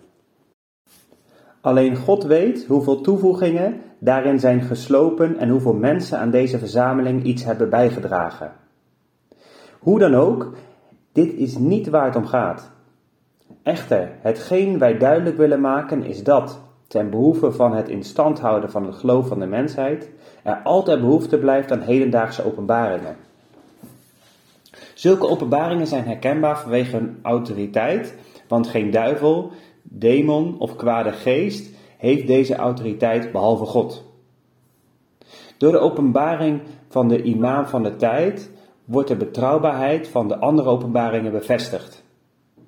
We hebben al eerder gezegd dat de imam van de tijd van nature al de aangeboren kwaliteiten van imamat bezit en Allah, de voorzienende, hem heeft gezegend met leiderschapskwaliteiten. Het is de praktijk van Allah dat hij de mensen niet afzonderlijk van elkaar wil laten bestaan. Net zoals hij in het zonnestelsel heel veel planeten heeft geplaatst en de zon daarover de soevereiniteit heeft gegeven, zo voorziet hij gewone gelovigen van licht overeenkomstig hun niveau en verklaart de imam van de tijd als een zon. Deze goddelijke praktijk is zover in zijn schepping terug te vinden dat zelfs dit systeem bij de honingbijen te vinden is. Ook zij hebben een imam, namelijk de bijenkoningin. Voor het wereldlijke koninkrijk heeft God de Verhevene dit ook gewild, dat er een leider en een koning is in een volk. En alles vloek rust op degenen die verdeeldheid liefhebben en niet functioneren onder het gezag van een leider. Terwijl Allah, de Verhevene, is zijn majesteit, zegt... أطيعوا الله وأطيعوا الرسول وأولي الأمر منكم O u die gelooft, gehoorzaam Allah en gehoorzaam zijn boodschappen en degenen die gezag over u hebben. Koran, hoofdstuk 4, vers 60. Met betrekking tot het wereldlijke betekent dat Ulul Amr, de koning, en met betrekking tot het spirituele betekent het imam van de tijd. En als iemand in het wereldlijke zich niet tegen onze doelstellingen keert en wij daar godsdienstig voordeel van hebben, behoort hij tot ons. Daarom heb ik mijn gemeenschap geadviseerd Britse gezag te beschouwen als ulul amr en hen onvoorwaardelijk te gehoorzamen, omdat zij zich niet met onze religieuze zaken bemoeien. We voelen ons eerder veilig door hun aanwezigheid. En het zal van onze kant oneerlijk zijn niet te erkennen dat het de Britten zijn die ons in ons geloof van dienst zijn op een wijze waarop zelfs enkele van de islamitische leiders van, Hindu, van Hindoestaan niet toe in staat waren. Sommige van deze leiders hebben zelfs, zo laf als ze waren, de provincie Punjab verlaten, met als gevolg dat wij en ons geloof zwaar hebben geleden onder het gezag van verschillende Sikh-leiders. Het was zelfs zo erg dat het vrijwel onmogelijk was om het gezamenlijk gebed in de moskeeën te verrichten of de oproep tot het gebed te geven. De islam als religie was zo goed als dood in de Punjab. Toen kwamen de Britten en met hun keerde ook ons geluk terug. Zij waren de islam behulpzaam en gaven ons volledige vrijheid in het kunnen uitvoeren van onze religieuze verplichtingen. Onze moskeeën werden weer aan ons teruggegeven en na een lange tijd werd de islam weer openlijk gepraktiseerd in de Punjab. Is een dergelijke hoffelijkheid het niet waard om herinnerd te worden? Feit is dat sommige van die moslimleiders vanwege hun laksheid ons naar het ongeloof dreven, maar de Britten reikten ons echter de hand en hebben ons daarvan gered. Om zich in te laten met opruiende complotten tegen de Britten getuigt daarom van een totaal gebrek van, aan besef van de zegeningen van God te verhevenen. Terugkeren naar het oorspronkelijke onderwerp, wil ik graag zeggen dat net zoals de Heilige Koran van ons verlangt dat wij in onze aardse leven één leider volgen, deze precies hetzelfde van ons verlangt in ons geestelijk leven. Het is dan ook vanuit het standpunt dat Allah, de Verhevene, ons het volgende gebed leert. Ihdina mustaqima an'amta alayhim. Leid ons op het rechte pad, het pad van hun aan wie u gunsten hebt geschonken. Koran, hoofdstuk 1, vers 6 en 7. Daarom, als men hierover nadenkt, is er geen gelovige, in feite geen enkel persoon of zelfs dier, verstoken van goddelijke gunsten, en toch kunnen we niet zeggen dat God, de Almachtige, van ons verlangt dat wij ze allemaal volgen. Dit vers betekent dan ook dat wij God moeten smeken om ons het geluk te schenken van het volgen van het pad van degene die de ontvangers zijn van een stortvloed van spirituele gunsten op een perfecte en volmaakte manier. In feite vertelt het vers ons dus dat wij ons moeten aansluiten bij de imam van de tijd. Mogen het duidelijk zijn dat de term imam van de tijd de betekenis omvat van profeet, boodschapper, muhadid en mujadid. Maar degenen die niet door God zijn aangesteld om Gods schepselen te onderwijzen en te leiden, en ook niet zijn begiftigd met dergelijke uitstekende kwaliteiten, ongeacht of het nu heiligen of zieners zijn, kunnen niet als imam van de tijd genoemd worden. Uiteindelijk komen we bij de vraag: wie is de huidige imam van de tijd in dit tijdperk? Degene die door God de verhevene verplicht gevolgd dient te worden door alle moslims, alle rechtschapen personen en iedereen die ware dromen of openbaringen ervaart? Ik ben de imam van de tijd. God de Verhevene heeft verordend dat ik de personificatie ben van al die tekenen en voorwaarden en heeft mij gezonden aan het begin van deze eeuw, waarvan inmiddels alweer 15 jaren zijn verstreken. Ik ben verschenen op een tijdstip waarop alle islamitische standpunten, zonder uitzondering, onderhevig zijn aan tegenstrijdigheden. Als gevolg daarvan zijn er ten aanzien van de wederkomst van de Messias enorme misverstanden ontstaan. De verschillen liepen zo erg uiteen dat sommigen geloofden dat Jezus vrede zijn met hem nog leeft, terwijl anderen geloofden dat hij al dood is. Sommigen geloofden in letterlijke lichamelijke wederkomst, terwijl anderen geloofden in een meer metaforische wederkomst. Sommigen dachten dat hij zou nederdalen in Damascus, anderen in Mekka en nog weer anderen in Jeruzalem. Sommigen verwachten dat hij in een islamitisch leger zal verschijnen, terwijl anderen dachten dat hij in India zou nederdalen. Al deze verschillende standpunten en denkbeelden riepen om de komst van een hakam, oftewel rechter, ten einde hierover een oordeel te vellen. En ik ben die hakam. Ik ben gekomen om, in spirituele zin, het kruis te breken en al deze misverstanden weg te nemen. Dit zijn de twee redenen die mijn komst noodzakelijk maakten. Hoewel het voor mij niet noodzakelijk was om met meer bewijzen te komen die de waarachtigheid van mijn komst ondersteunen, omdat de noodzaak van mijn komst op zich al bewijs genoeg is, heeft God de Almachtige zelfs dan nog talrijke tekenen getoond die mijn komst ondersteunen. Daarom, net zoals ik de Hakam ben om recht te spreken over alle meningsverschillen, zo ben ik de Hakam in het geschil met betrekking tot het leven en de dood van Jezus, vrede zijn met hem. Voor wat betreft de dood van de Messias verklaar ik hierbij dat het standpunt ingenomen door imam Malik, Ibn Hazm en de Muzatilieten correct is en ik geloof dat de rest van de Al-Hus het verkeerd heeft. Dat is waarom ik in mijn hoedanigheid van Hakam hierbij het oordeel uitspreek dat in dit geschil met betrekking tot de metaforische wederkomst van Jezus deze groep van de Al-Sunnah het bij het rechte eind heeft. Waar zij zich in hebben vergist is de manier waarop hij zou terugkeren, want het was figuurlijk bedoeld en niet letterlijk. Voor wat betreft het vraagstuk over de dood van Jezus hebben de Muzatilieten, imam Malik, Ibn Hassam en verder iedereen die er dezelfde opvattingen op nahouden, het correct, omdat het volgens de duidelijke autoriteit van het gezegde vers Al-Maida, hoofdstuk 5, vers 118. De Messias eerst gestorven moet zijn voordat de christenen zouden zijn afgedwaald. Dit is mijn oordeel als hakam. Degene die dit niet accepteert, verwerpt degene die mij heeft gezonden als de Hakam. Op de vraag, wat is het bewijs dat u de Hakam bent? Is het antwoord dat het nu de tijd is die was voorbestemd voor de komst van de Hakam. Ook omdat op dit moment die mensen aanwezig zijn die met hun verkeerde opvattingen over het kruis een Hakam nodig hebben om hun hierin te corrigeren. De tekenen die bedoeld waren om de komst van de Hakam te ondersteunen, zijn verschenen en zullen blijven verschijnen. Deze tekenen zullen zich zowel in de hemel als op aarde blijven openbaren. Gezegend zijn degenen die daar niet blind voor zijn. Ik vraag u niet om alleen in de reeds verschenen tekenen te geloven. Maar liever nog vraag ik u, als u niet gelooft dat ik de Hakam ben, het op te nemen tegen de aan mij vertoonde tekenen. Ik ben gekomen in een tijd waarin men het onderling oneens is over de geloofspunten. Hierover is elke discussie zinloos. Alleen de discussie over de persoon van Hakam, waarover ik uitvoerig heb gesproken, staat open voor iedereen. God heeft mij vier tekenen gegeven. 1. Ik ben gezegend met een welbespraaktheid en vaardigheid in het Arabisch als een weerspiegeling van de fenomenale welbespraaktheid van de Koran en niemand zal mij daarin kunnen overtreffen. 2. Ik ben gezegend met de kennis om de waarheden uit de Koran te verklaren en toe te lichten en niemand zal mij daarin kunnen overtreffen. 3.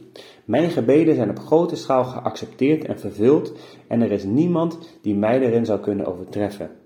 Ik kan onder ede verklaren dat bijna 30.000 van mijn gebeden zijn vervuld en waarvan ik bewijzen heb. 4. Ik ben gezegend met de kennis van het ongeziene en er is niemand die mij erin kan overtreffen. Dit zijn de onweerlegbare goddelijke bewijzen die aan mij zijn verleend.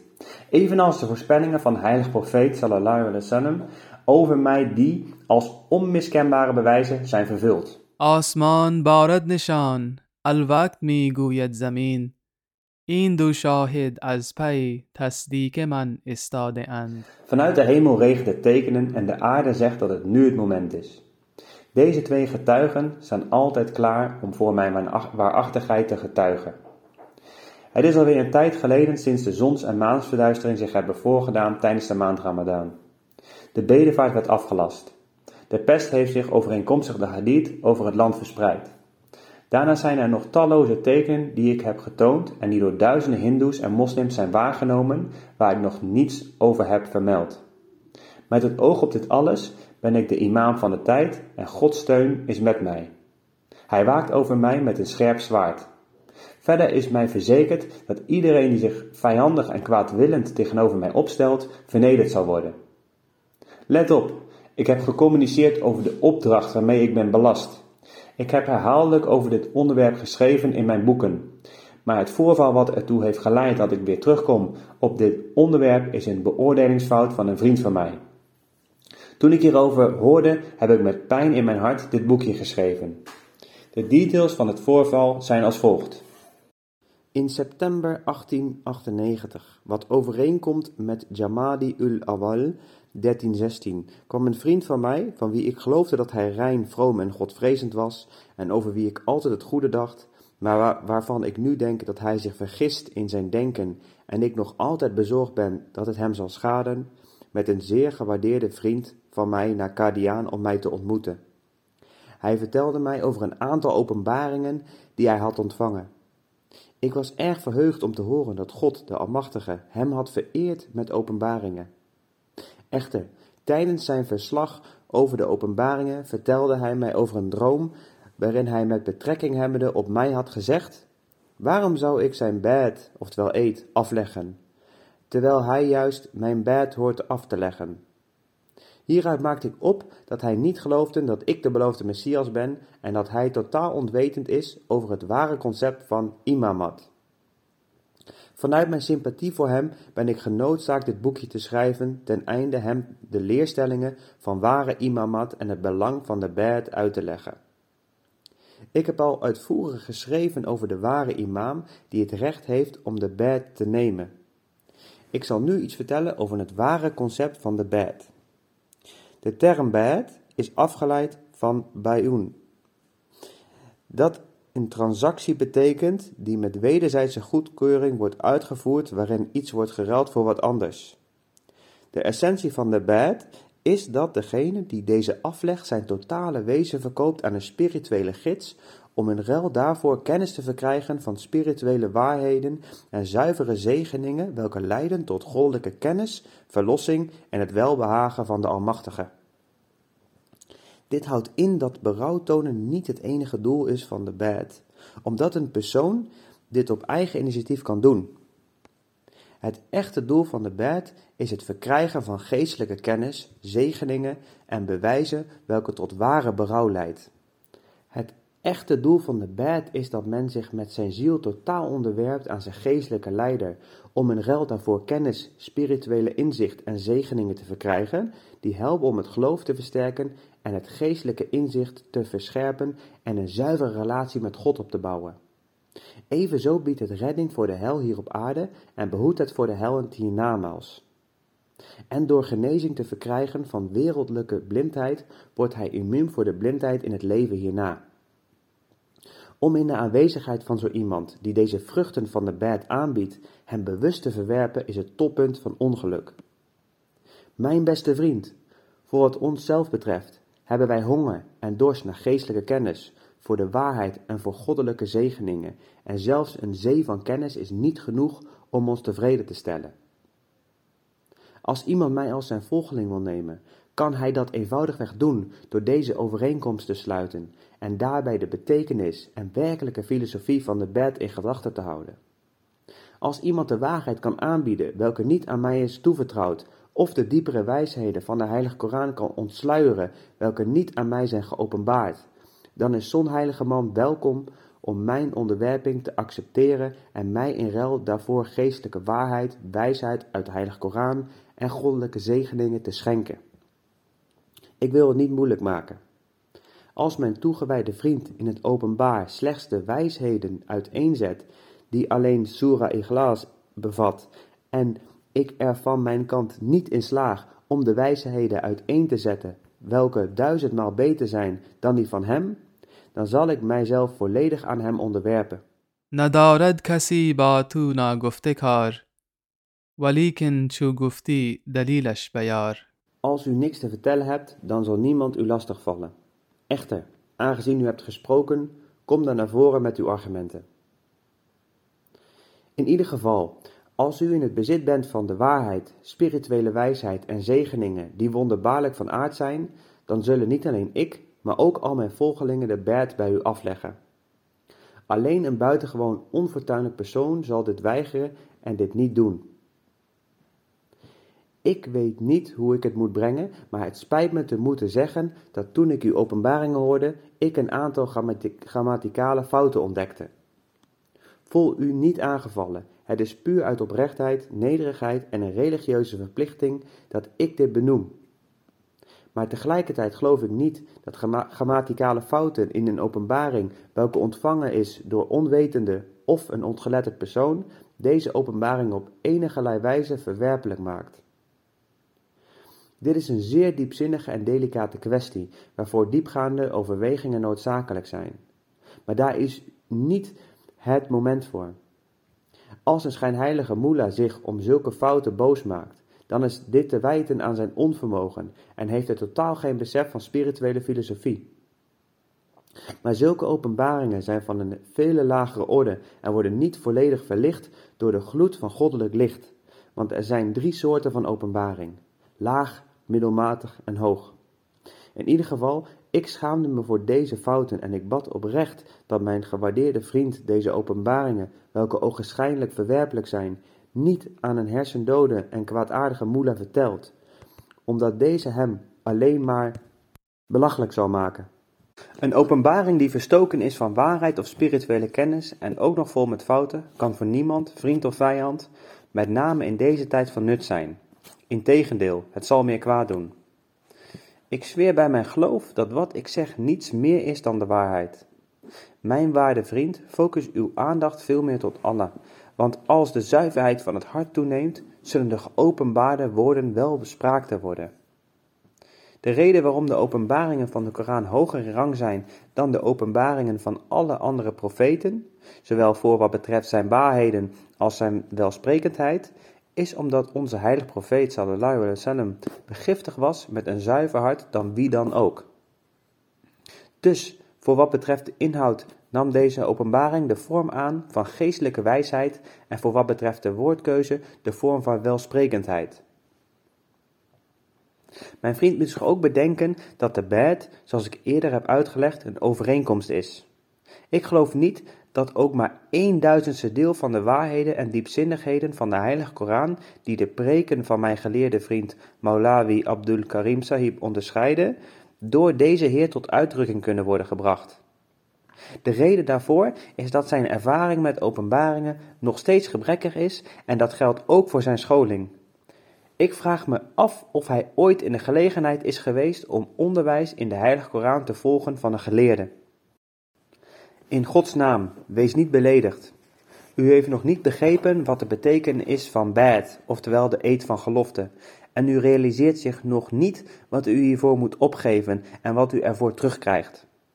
In onze gemeenschap en onder de dienaren van de Almachtige God die bij mij de bed hebben afgelegd, bevindt zich een zeer respectabele geleerde van grote uitmuntendheid, genaamd Maulvi Hakim Hafiz al-Hajj Nuruddin Saib. Hij bezit vrijwel alle commentaren van de Heilige Koran en zo is zijn hart ook een opslagplaats van duizenden Koranische wijsheden. Als u inderdaad het voorrecht heeft gekregen dat men bij u bed mag afleggen, probeer dan om Maulvi Sahib les te geven over de wijsheden en waarheden die slechts in één deel van de Heilige Koran zijn verwoord. Zouden al die mensen niet goed bij hun hoofd zijn geweest toen zij mijn bed aflegden en de andere ontvangers van openbaringen verwierpen? Het zou beter voor u geweest zijn als u het voorbeeld van Hazrat Malvi Sahib had gevolgd. Vraag uzelf af of het allemaal voor niets is geweest dat hij huis en haard heeft verlaten om naar mij toe te komen en te leven in een leme hut zonder enig comfort. Mijn waardige en dierbare vriend, ontvanger van openbaringen, moet zich goed beseffen dat hij zich serieus vergist in zijn denkbeelden. Als hij eerst, middels zijn spirituele vermogens, ten overstaan van Hazrat Sahib een voorbeeld kan geven van zijn eigen kennis over de Heilige Koran en vervolgens met zijn verlichte geest de bed kan afnemen van iemand die net zoveel liefde heeft voor de Heilige Koran als Nuruddin, dan zullen ik en mijn gehele gemeenschap zich volledig aan hem onderwerpen Is het voor een persoon mogelijk om, puur op grond van een paar dubieuze en veelal onjuist geformuleerde openbaringen, zichzelf als imam van de tijd te beschouwen? Mijn beste vriend, er zijn een heleboel voorwaarden waar een imam van de tijd aan moet voldoen en het is om die redenen waarom hij in staat is om de gehele wereld uit te dagen. هزار نکته باریک تر ز مو اینجاست نه هر که سر بتراشد کلندری danet. Hierin liggen duizenden punten, nog fijner dan haar. Niet iedereen die zich kaal scheert is kalandari. Mijn dierbare ontvanger van openbaringen moet zich niet laten misleiden door het feit dat hij vaak door middel van openbaringen berichten ontvangt. De waarheid is namelijk dat er zich onder mijn volgelingen meer van zulke mensen bevinden, en het aantal openbaringen van enkele van hun kunnen zelfs een heel boek vullen. Zo is er bijvoorbeeld Sahid Amir Ali Sahib, die mij wekelijks een hele pagina vol met openbaringen opstuurt. Er zijn zelfs vrouwen die mij hebben geaccepteerd en openbaringen ontvangen in het Arabisch, terwijl zij geen woord Arabisch kennen. Opmerkelijk genoeg bevatten de openbaringen van haar, Ghulam Fatima, dochter van Mohammed Khan Bousdar uit Lea, minder fouten dan die van u. Op 28 september 1898 ontving ik een aantal openbaringen van haar, die door haar eigen broer Fateh Mohammed Bousdar in een brief naar mij waren opgestuurd. Onder mijn volgelingen zijn er nog vele anderen die openbaringen ontvangen. Een van hen woont in Lahore. Echter, kunnen zulke openbaringen iemand ontslaan van de noodzaak om de bed af te leggen bij de imam van de tijd? Ikzelf heb er geen problemen mee om de bed bij wie dan ook af te leggen. Echter, het doel van de bed is om spirituele kennis te vergaren en het geloof te versterken. Vertel mij dan, welke spirituele kennis gaat u hun dan onderwijzen die de bed bij u afleggen en welke waarheden van de Heilige Koran zou u hun onthullen? Kom alstublieft en toon ons de waarachtigheid van uw imamat en wij zullen met alle plezier de bed afleggen. Hazrat Nasi Gar'ain Dida Odil Farshira पर कोई मुझको तो समझाए कि समझाएंगे क्या De gerespecteerde waarschuwer is welkom. Ik ben een en al oor voor hem. Maar kan iemand mij vertellen wat hij zou komen onderwijzen? Ik verklaar tegenover een ieder dat alles wat God mij heeft geschonken bedoeld is als teken van mijn imamat. Ik ben bereid om de bed af te leggen bij een ieder ander die deze tekenen van imamat kan tonen en kan bewijzen dat hij mijn kwaliteiten overtreft. Echter, Gods beloften zijn onvoorwaardelijk. Niemand kan hem verslaan. Ongeveer twintig jaar geleden werd de volgende openbaring opgetekend in Brahim e Ahmadiyya. الرحمن علم القرآن لتنذر قوما ما أنذر آباؤهم ولتستبين سبيل المجرمين قل إني أمرت وأنا أول المؤمنين De meest barmhartigste, hij die u de Koran onderwees, zodat u de mensen waarschuwt wiens voorouders niet zijn gewaarschuwd, en zodat de weg van de overtreders duidelijk wordt. Zeg, ik ben aangesteld en ik ben de eerste der gelovigen. Volgens deze openbaring heeft God mij kennis over de Heilige Koran geschonken en noemt hij mij Awwalul Muminin, oftewel de eerste van de gelovigen. Hij heeft mij, gelijk het vullen van de oceaan, overladen met geestelijke kennis en waarheden. Hij heeft mij geopenbaard dat niemand, maar dan ook niemand, mij zal kunnen evenaren in mijn goddelijke kennis en liefde voor God. God is mijn getuige dat ik klaar ben voor deze uitdaging. Degene die mij niet accepteert, zal dit na zijn dood betreuren, omdat dit een goddelijk bewijs is. Mijn beste, of er nu iets wereldlijks of iets geestelijks is, niets kan correct worden uitgevoerd zonder de juiste vaardigheden.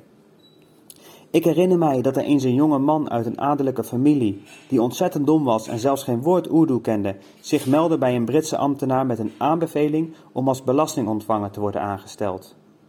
De Britse ambtenaar zei: Als ik hem als belastingontvanger aanstel, wie zal dan mijn werk doen? Want ik kan hem niet eens een functie geven die meer dan vijf roepies waard is. Op dezelfde wijze zegt God: Allahu a'lamu haythu yaj'alu risalatah. Allah weet het beste waar zijn boodschap te plaatsen.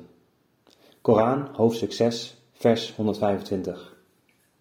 Is het eerlijk om een persoon waar duizenden mensen, vriend of vijand, naartoe komen met hun vragen of bezwaren en die is aangesteld als vertegenwoordiger van de profeetschap, om slechts een paar geopenbaarde regels tot zijn beschikking te stellen zonder enig vorm van bewijs? Zou dat echt voldoende zijn om zowel zijn volgelingen als zijn tegenstanders tevreden te stellen? Ik wil deze discussie nu beëindigen. Als er iets is wat onacceptabel is voor iemand, dan bied ik diegene daar mijn verontschuldigingen voor aan, net zoals ik dat doe naar mijn vriend die beweert dat hij ontvanger is van openbaringen. Ik heb dit alles in alle oprechtheid geschreven. Deze vriend van mij is mij zeer dierbaar en ik bid en smeek tot God dat hij met hem mogen zijn. De nederige, Mirza Ghulam Ahmad. Kadian, district Gurdaspur. Titel: Maui Abdul Karim's brief aan een vriend. بسم الله الرحمن الرحيم الحمد لوليه والصلاة والسلام على نبيه أما بعد من عبد الكريم إلى أخي وحبي نصر الله خان سلام عليكم ورحمة الله وبركاته Vandaag voel ik opnieuw de behoefte om u het verhaal van mijn rusteloze hart te vertellen, in de hoop dat u mijn gevoelens zult begrijpen. Deze behoefte is echter niet zonder reden, want de beweger der harten moedigt zijn dienaren niet aan om iets te doen zonder reden. Chaudhry Sahib, ook ik ben een zoon van Adam en geboren uit een zwakke vrouw, en ook ik heb verleidingen van mijn geliefde moeten weerstaan, menselijke zwakheden en andere onvolkomenheden moeten overwinnen. Een persoon die geboren wordt uit een vrouw kan nooit harteloos zijn, tenzij de omstandigheden hem zo hebben gevormd. Mijn oude moeder, die erg zachtaardig en chronisch ziek is, is nog steeds in leven, net als mijn vader. Allahumma afihi wa walihi wa waffiqhu lil husna. Ik heb broers die mij erg dierbaar zijn, net als andere familieleden die ik nog heb. Gelooft u dat ik een hart van steen heb omdat ik hier al maandenlang verblijf? Of dat ik mijn verstand verloren heb? Of dat ik spiritueel zo onwetend ben dat ik iets blindelings volg? Of dat ik in mijn familie, buurt of stad bekend sta als een man die in zonde leeft? Of dat ik een bedelaar ben die elke keer een andere vermomming aanneemt om zijn honger te stillen? يعلم الله والملائكة يشهدون Dat ik bij de genade van God vrij ben van zulke tekortkomingen. ولا أزكي نفسي ولكن الله يزكي من يشاء Ik verklaar mijzelf niet als rein, maar Allah reinigt wie hij wil. Maar wat is het dan dat mij zo standvastig heeft gemaakt, waardoor ik al mijn andere banden heb verbroken? Dit is makkelijk te verklaren in één enkele zin. Het is het erkenning van de imam van deze tijd. En dit is zoiets geweldigs dat het alle andere relaties en banden teniet doet. U weet heel goed dat ik, voor zover mijn vermogens dit toestaan, op de hoogte ben van de spirituele waarheden en diepere betekenis van het boek van God. Thuis doe ik niets anders dan het lezen en onderwijzen van het boek van Allah. Wat lees ik hier dan? Is het voor mij gemoedsrust niet voldoende om thuis te studeren en door vele mensen geprezen te worden? Nee, bij God nooit. Vroeger studeerde ik en gaf ik les in de Heilige Koran en op, op de vrijdagen beweeg ik de kansel en gaf ik geëmotioneerde, morele preken, de gemeenschap waarschuwend voor de toorn van God en spoorde hun aan om weg te blijven van zonde. Maar mijn innerlijke zelf bleef mij maar verwijten maken. لم تقولون ما لا تفعلون كبر مقتا عند الله أن تقولوا ما لا تفعلون O u die gelooft, waarom zegt u hetgeen u niet doet? Het is afkeuringswaardig bij Allah dat u zegt hetgeen u niet doet. Koran, hoofdstuk 61, vers 3 en 4. Ik heb andere mensen tot tranen toe bewogen, maar heb zelf nooit gehuild. Ik weerhield anderen ervan om onfatsoenlijke taal te gebruiken en slechte daden te doen, maar stopte er zelf niet mee. Aangezien ik zelf nooit een hypocriet noch een egoïstische bedrieger ben geweest en het vergaren van roem en rijkdom nooit mijn doel was, verdrongen deze ideeën mijn gedachten wanneer ik een moment voor mezelf had. Maar omdat ik geen enkele manier zag om mijzelf te hervormen en mijn geloof me niet tevreden zou laten met dergelijke valse rituelen, bezweek ik onder deze druk en werd ik ernstig ziek met hartkwalen. Vaak heb ik besloten het studeren, het onderwijzen en het prediken op te geven. Maar telkens weer keerde ik terug op dat besluit en gretig verslond ik boeken over ethiek, mystiek en commentaren over de Heilige Koran. Met hetzelfde doel bestudeerde ik nauwgezet Iya'ul Ulum, Awariful Ma'arif, alle vier de delen van Futuhate Makkiya en ontelbare andere boeken. Wat de Heilige Koran betreft, het bracht mijn hart in verdruk- verrukking. En goddank, dat doet het nog steeds. Van kleins af aan, zelfs al vanaf mijn kindertijd, is mijn voorliefde voor dit heilige en grootste geschrift zo intens dat het niet in woorden te beschrijven is. Naarmate mijn kennis groter werd, kreeg ik de vaardigheid om het publiek te behagen en mijn preken op te vrolijken met vele leuke en grappige anekdotes. Ik heb zelf gemerkt dat veel zieke mensen door mijn toedoen zijn genezen. En toch was er geen verandering in mijzelf. Uiteindelijk, na een lange periode van twijfel en angst, werd het mij duidelijk dat dit vel niet weg te spoelen zou zijn, tenzij ik het levende bewijs zou ontmoeten of de fontein van het leven kon bereiken, die als enige alle innerlijke onzuiverheden zou kunnen wegspoelen. Kijk alleen maar eens hoe gedurende 23 jaar de perfecte gids en het zegel der profeten, mogen de vrede en zegeningen van Allah met hem zijn, zijn metgezellen door de stadia van spirituele evolutie heeft geleid. De heilige Koran was de kennis en de heilige profeet sallallahu alaihi wasallam was de ware belichaming ervan. Het was niet alleen de grootheid en de majesteit van de welsprekendheid van de heilige Koran, of de erudite stijl ervan, die de harten op zo'n buitengewone manier overrompelde. Integendeel, het was het praktische voorbeeld van de heilige profeet, sallallahu alaihi wasallam, zijn unieke morele kwaliteiten, vergezeld door de voortdurende manifestatie van hemelse tekenen, die een onuitwisbare indruk op de harten van zijn metgezellen maakte. Omdat de islam erg dierbaar was voor de Almachtige God, en hij wilde dat deze tot het eind der tijden voortleefde, wenste hij niet dat het, net als de andere religies, een overblijfsel zou worden van verouderde legendes en mythen. Deze gezegende religie heeft elke eeuw levende voorbeelden gekend, die door hun verlichte kennis en voorbeeld de mensen aan de tijd van de heilige profeet sallallahu alaihi wasallam deden herinneren, aan wie de heilige Koran was geopenbaard. In overeenstemming met deze sunnah heeft God de Almachtige in onze tijd de beloofde Messias, mogen alle de liefdevolle hem helpen, onder ons doen opstaan, zodat hij een getuige is voor deze tijd. Ik had in deze brief graag wat krachtige argumenten willen schrijven voor de noodzaak van de reine persoonlijkheid van zijn heiligheid, de ware imam. Echter, slechts eergisteren heeft de beloofde Messias zelf, naar aanleiding van bepaalde omstandigheden, een boek voltooid welke betrekking heeft op de noodzaak voor een imam, en deze zal binnenkort worden gepubliceerd. Ik heb wat dit betreft daarom mijn eigen idee laten vallen. Ten slotte zou ik u willen herinneren aan de serene sfeer van onze ontmoetingen, aan uw goede bedoelingen, uw komst om deel te nemen aan Darsul Koran, uw eigen mening over mij en vooral uw zachtaardig karakter. En ik doe een beroep op uw zuiver geweten en oprechte aard om erover na te denken, want het zijn nu cruciale tijden. Ziet u ergens het levende bewijs dat het voorbeeld is van de Heilige Koran en het vuur welke de Heilige Koran in de harten van de mensen wil ontsteken om de zonde te verteren?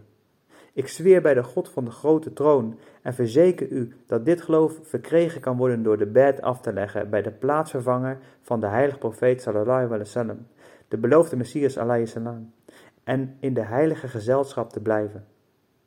Ik ben bang dat elke vertraging in deze belangrijke beslissing een verschrikkelijke verandering in het hart kan veroorzaken. Laat de angst voor de wereld los en wees bereid om alles te verliezen omwille van God, zodat u alles kunt krijgen. Wassalam, de nederige, Abdul Karim Kadian, 1 oktober 1898. Titel: Inkomstenbelasting en een nieuw teken. صدق را هر دم مدد آید ز رب العالمین صادقان را دست حق باشد نهان در آستین هر بلا از آسمان بر صادقی آید فرود آخرش گردد نشانی از برای طالبین De waarheid wordt altijd geholpen door de Heer der werelden. De waarachtige heeft de hand van de ware God verborgen in zijn mouwen. Iedere ramp dat neerdaalt op van de hemel op een waarachtig persoon diende als een teken voor de zoekende. Enkele van mijn ontwetende tegenstanders waren behoorlijk te neergeslagen en gefrustreerd door een nederlaag in de rechtszaak die door Dr. Clark tegen mij was aangespannen.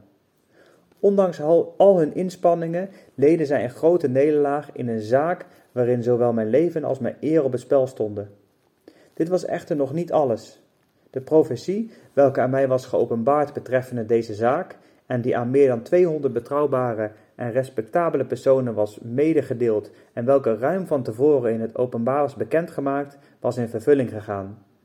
Echter, jammer genoeg voor mijn tegenstanders, stond hun nog een nederlaag te wachten vanwege hun boosaardige aard en hun overdreven ongeduld.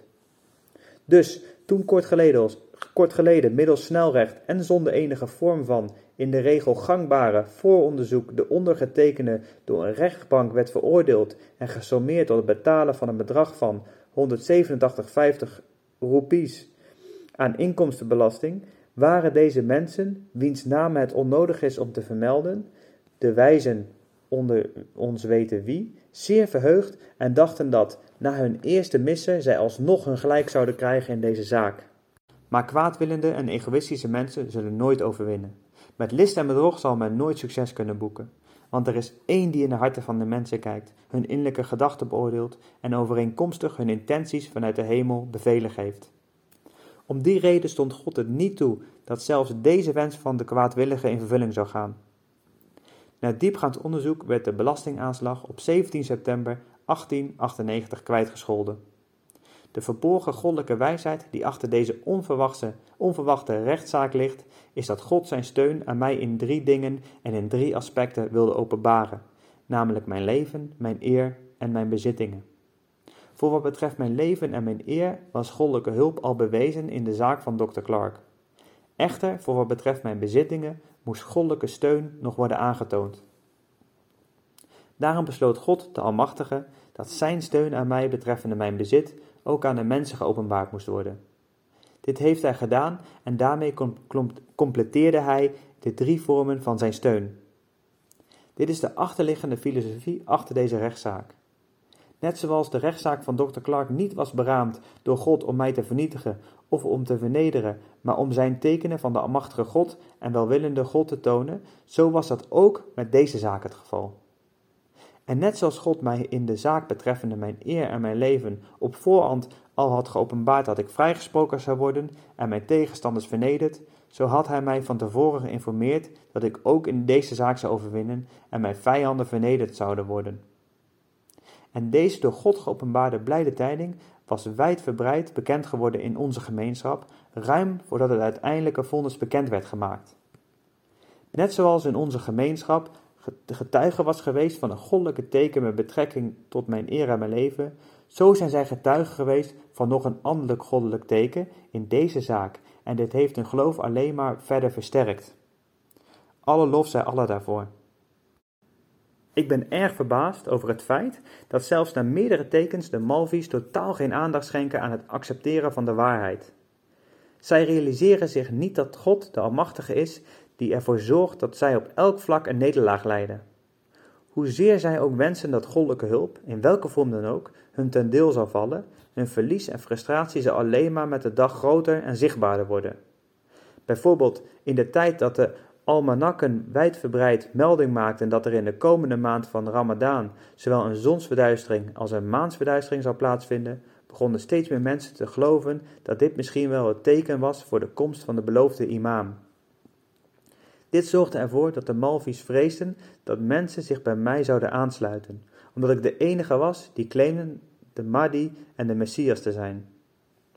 Om dit teken te verbloemen, begonnen sommigen van hun te verkondigen dat de verduistering van de zon en de maan helemaal niet zouden plaatsvinden in de aankomende maand van Ramadaan en dat het pas zou plaatsvinden wanneer hun imam Mahdi zou verschijnen. Maar toen de eclipsen van de zon en de maan wel plaatsvonden in de maand Ramadaan, begonnen zij met het excuus dat deze eclipsen niet in overeenstemming waren met de woorden van de hadith. Omdat in de hadith gezegd wordt dat de maansverduistering zou plaatsvinden op de eerste nacht en de zonsverduistering in het midden van de maand. Terwijl in mijn geval de maansverduistering plaatsvond op de dertiende, nacht en de zonsverduistering op de 28ste van de maand.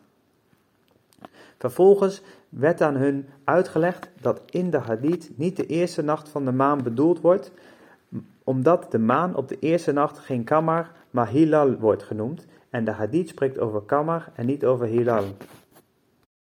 Dus de betekenis van de hadith is dat de maan verduisterd zal worden op de eerste van de nachten gedurende welke een maansverduistering kan plaatsvinden.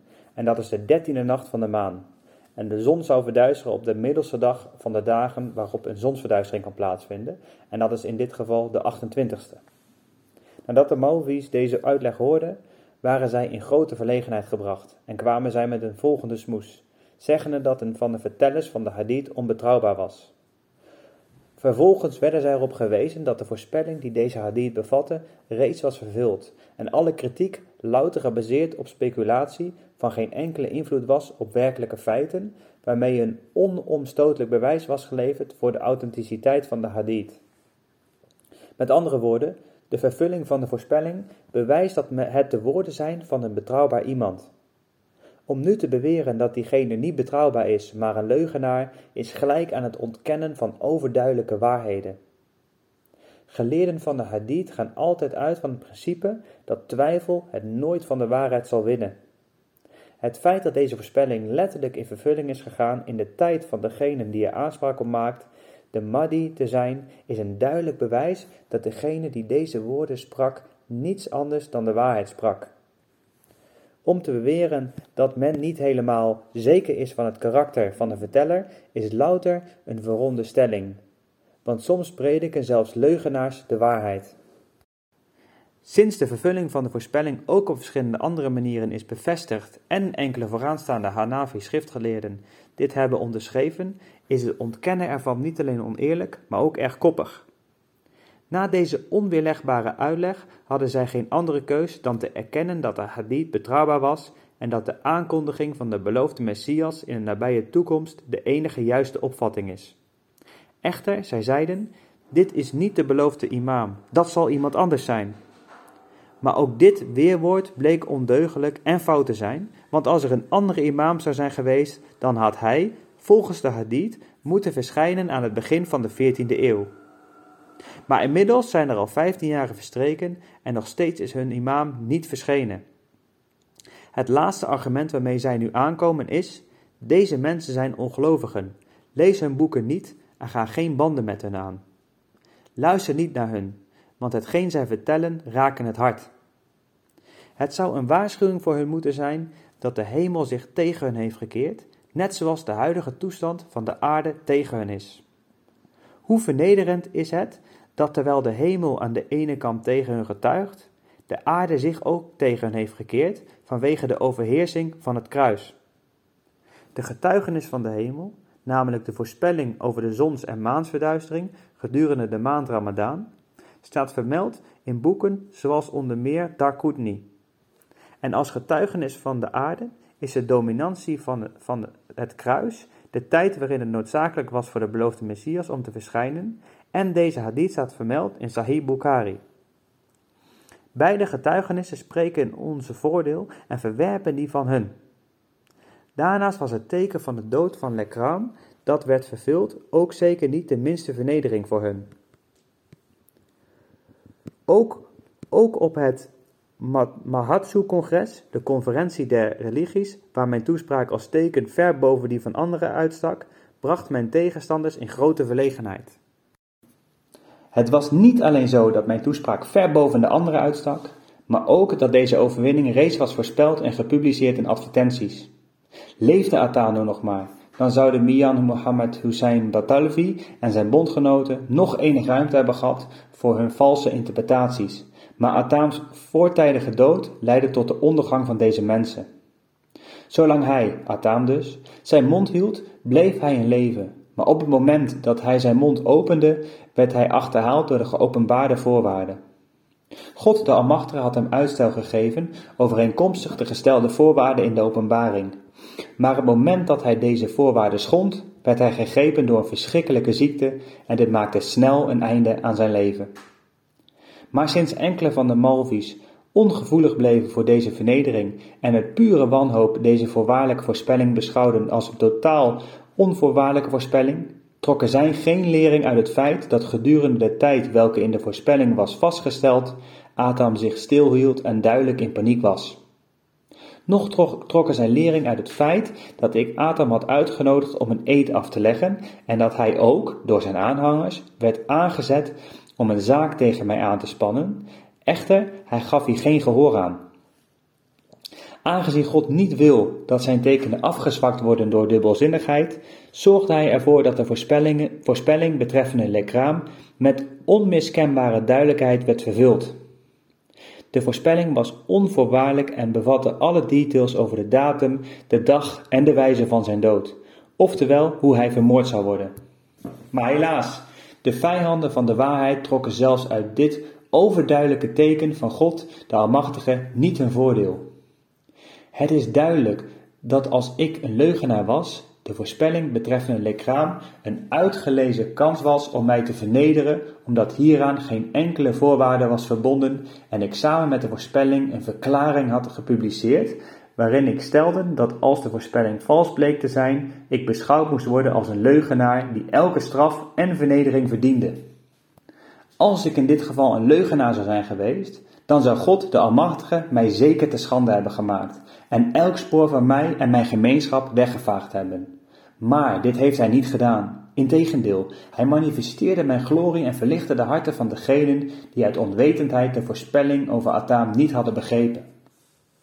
Is het niet iets om over na te denken waarom God mij heeft geholpen in de zaak van een voorspelling waar geen voorwaarden aan waren verbonden en welke bij het niet in vervulling gaan, geleid dat tot mijn totale ondergang? Waarom liet hij deze voorspelling in vervulling gaan en daarmee de harten van honderden vullen met liefde voor mij? Zo erg zelfs dat sommige van mijn gezworen vijanden huilend naar mij toe kwamen en de eed van gelofte, oftewel de bed, aflegden. Als deze voorspelling niet in vervulling was gegaan, had Mian Batalvi Sahib zich wel een voorstelling kunnen maken over de ongenadig harde artikelen die hij over mij had kunnen publiceren in Isha'atus Sunnah en welke effect dat zou hebben gehad op de mensen. Begrijpt iedereen nu waarom God Batalvi en zijn aanhangers heeft overladen met schande en schaamte? En is het niet zo dat in de Heilige Koran bepaald is dat God altijd de gelovigen zal doen zegevieren? En wat zou er van mij zijn geworden als deze voorspelling, welke niet aan, voor, aan voorwaarden was gebonden en verband hield met een knarsentandende tegenstander, vals bleek te zijn? Is het niet zo dat als deze voorspelling onjuist was gebleken, Sheikh Mohammed Hussam Batalvi dolblij zou zijn geweest?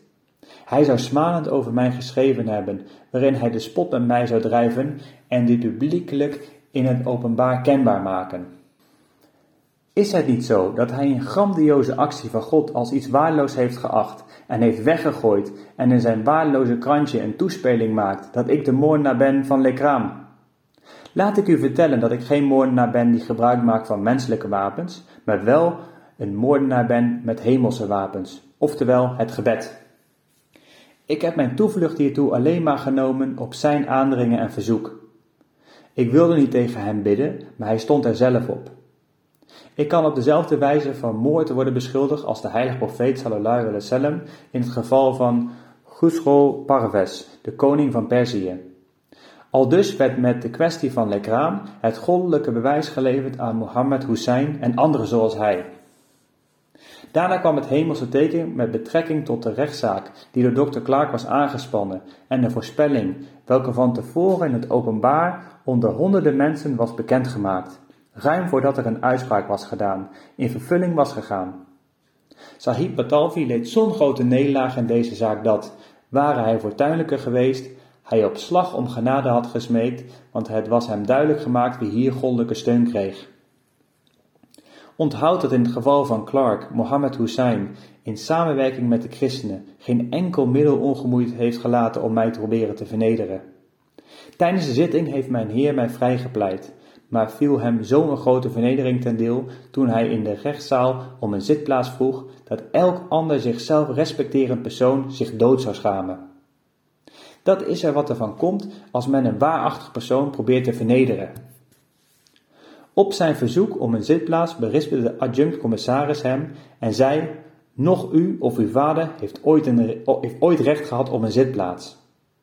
Hem werd verzocht naar achteren te stappen en te blijven staan.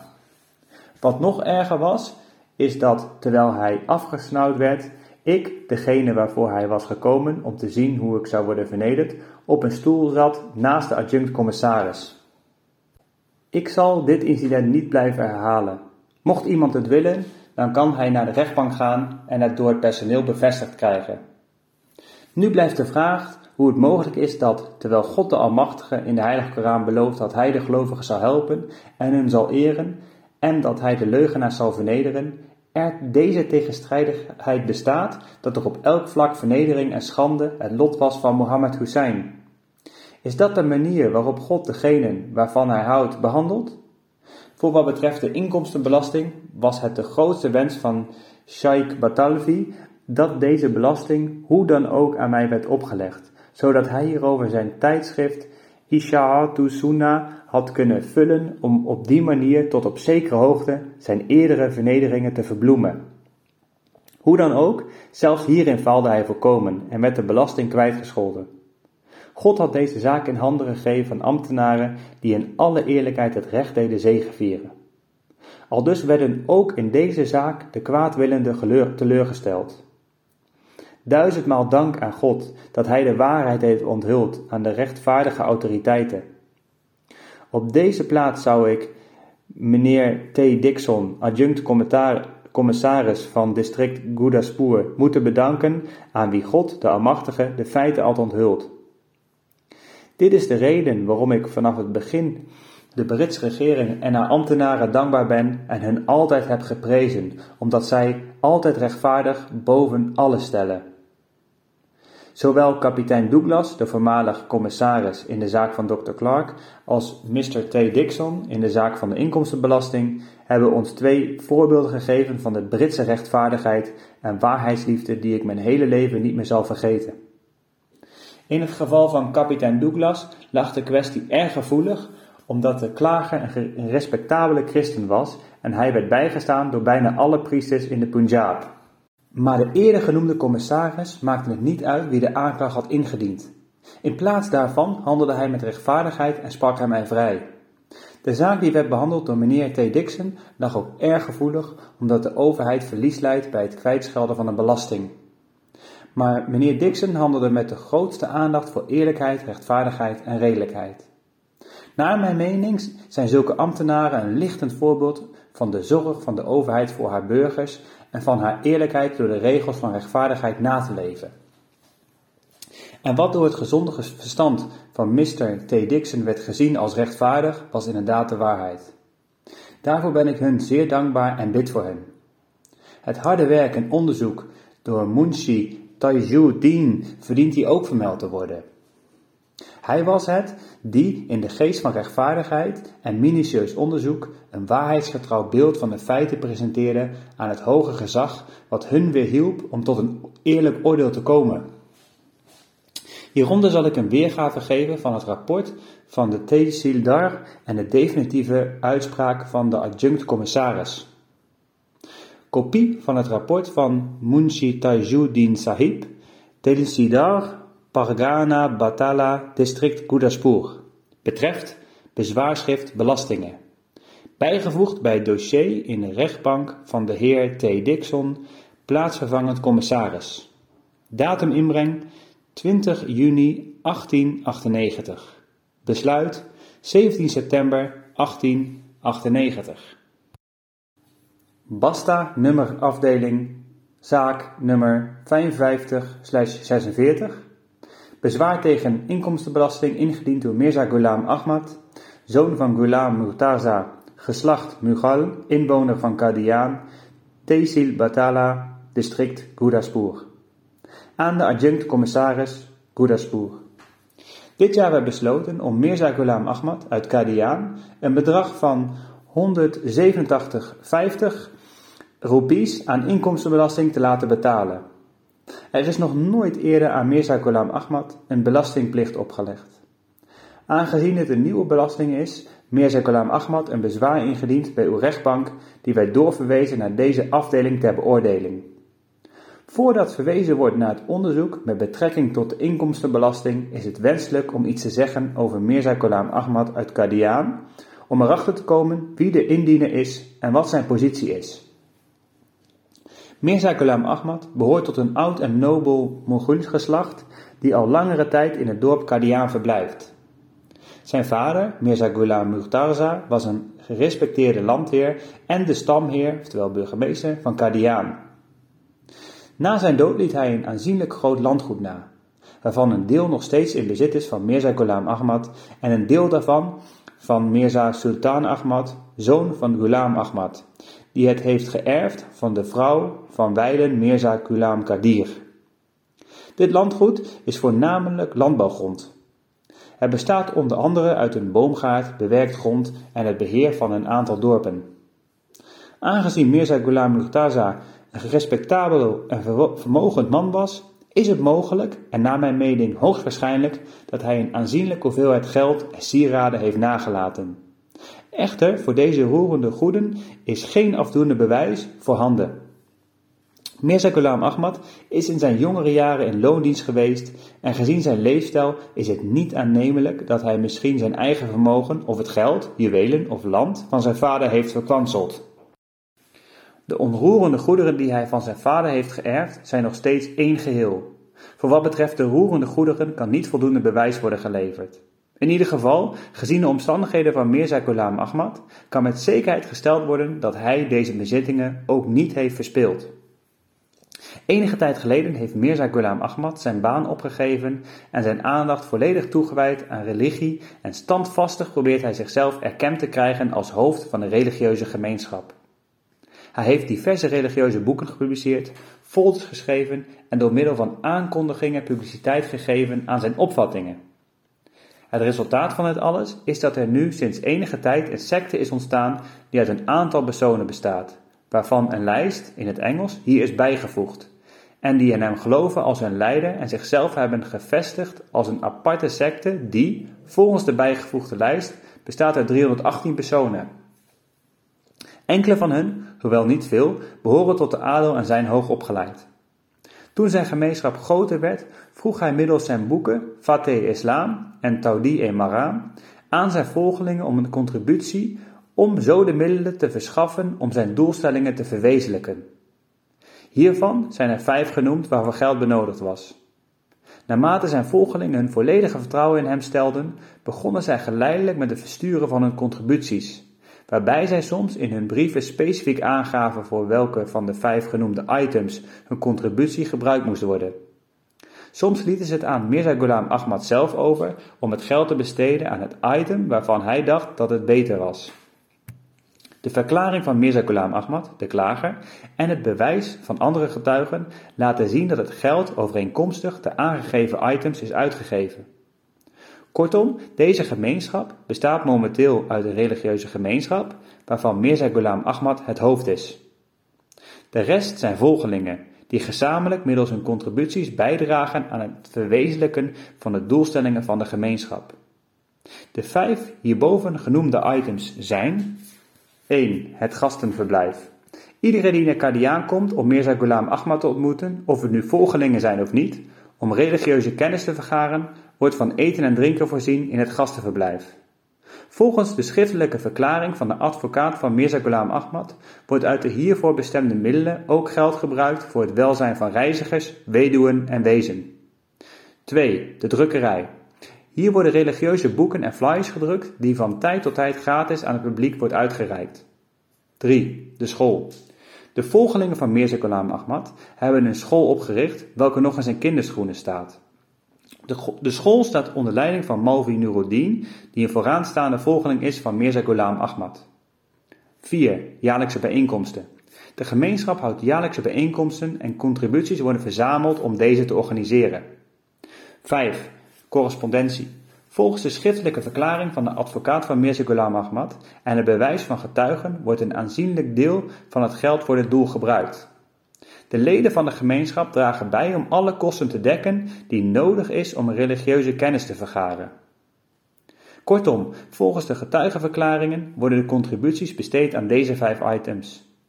Dit zijn de middelen en de werkwijze waarmee Mirza Ghulam Ahmad en zijn volgelingen hun religieuze standpunten verspreiden.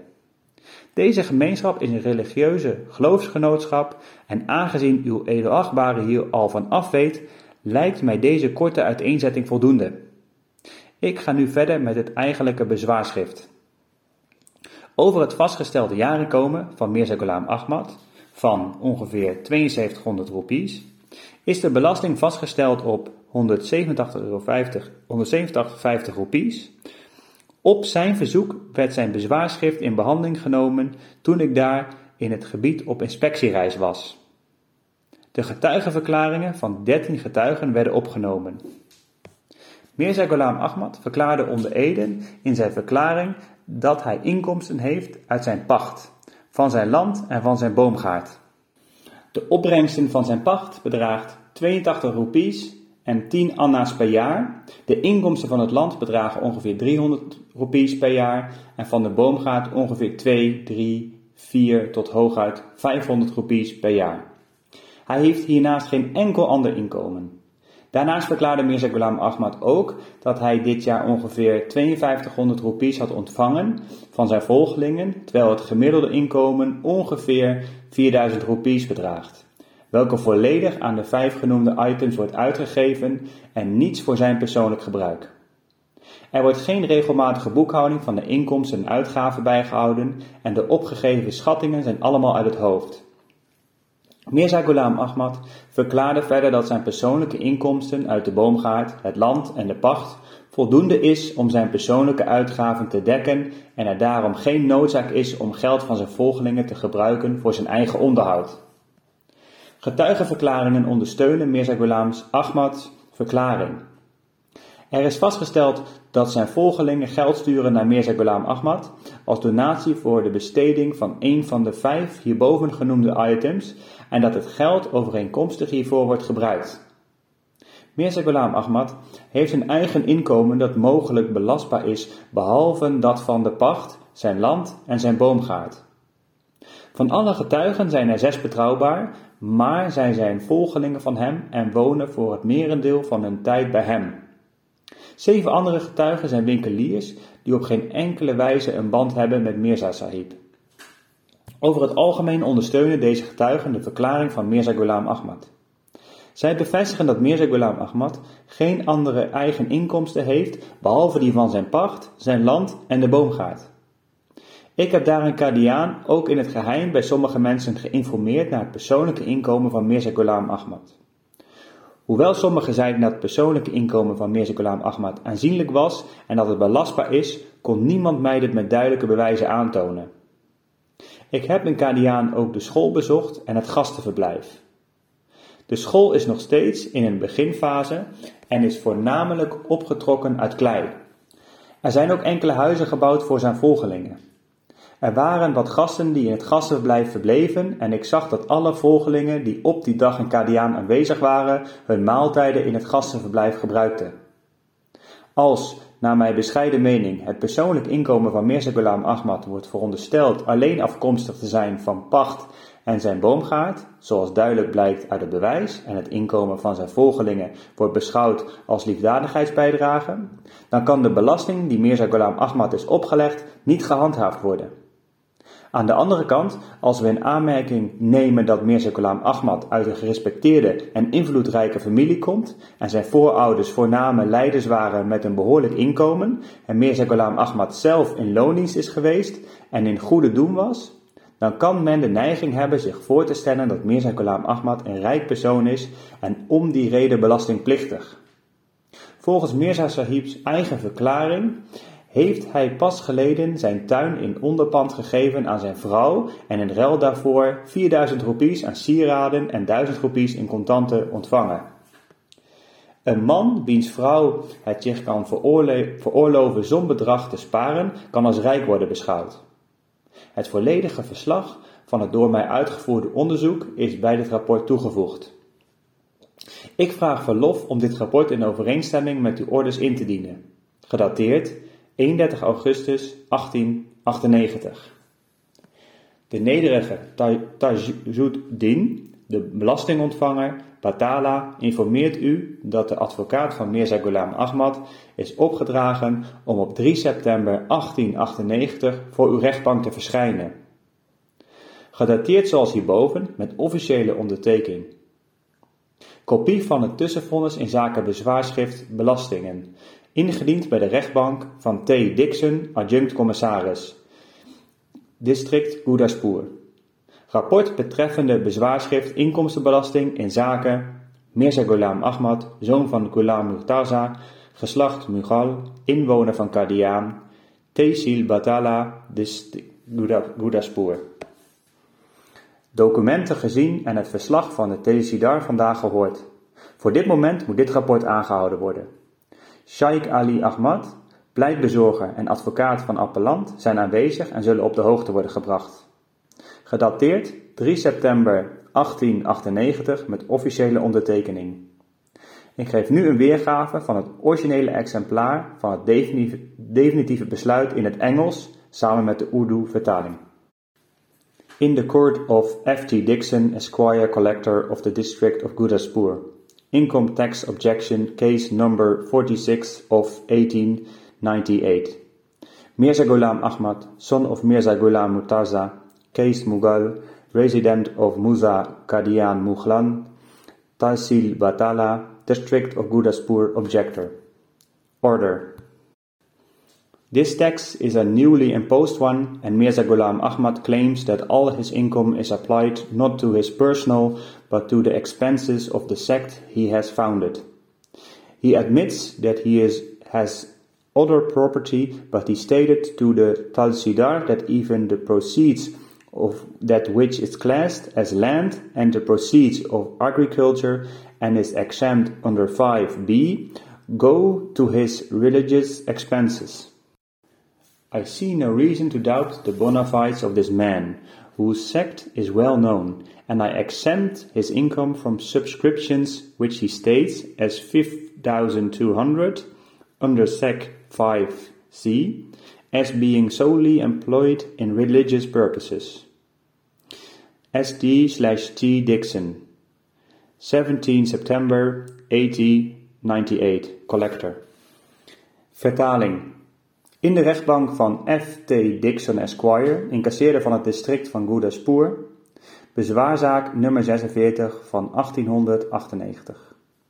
Mirza Ghulam Ahmad, zoon van Mirza Ghulam Mukhtarza, geslacht Mughal, inwoner van Mauda Qadian Mughlan, Tehsil Batala, district van Gurdaspur, bezwaar maken. Uitspraak.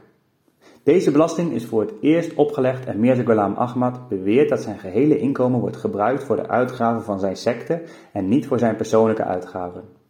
Hij geeft toe dat hij nog andere bezittingen heeft, maar hij verklaarde aan de belastingontvanger dat zelfs de opbrengsten van datgene wat wordt geclassificeerd als landbouwgrond en waarvan de opbrengsten zijn vrijgesteld onder SEC 5b, worden gebruikt voor zijn religieuze uitgaven. Ik zie geen reden om te twijfelen aan de goede bedoelingen van deze man, wiens secte goed bekend is, en ik stel zijn inkomsten, welke hij stelt op 5200 ropies, vrij van belastingen onder vermelding van SEC 5c, als zijnde volledig gebruikt voor religieuze doeleinden. SD.T. Dixon, incasseerder, 17 september 1898. Als een boek geen handtekening en een stempel bevat van de auteur, dan is dat een gestolen boek. De schrijver, Mirza Ghulam Ahmad.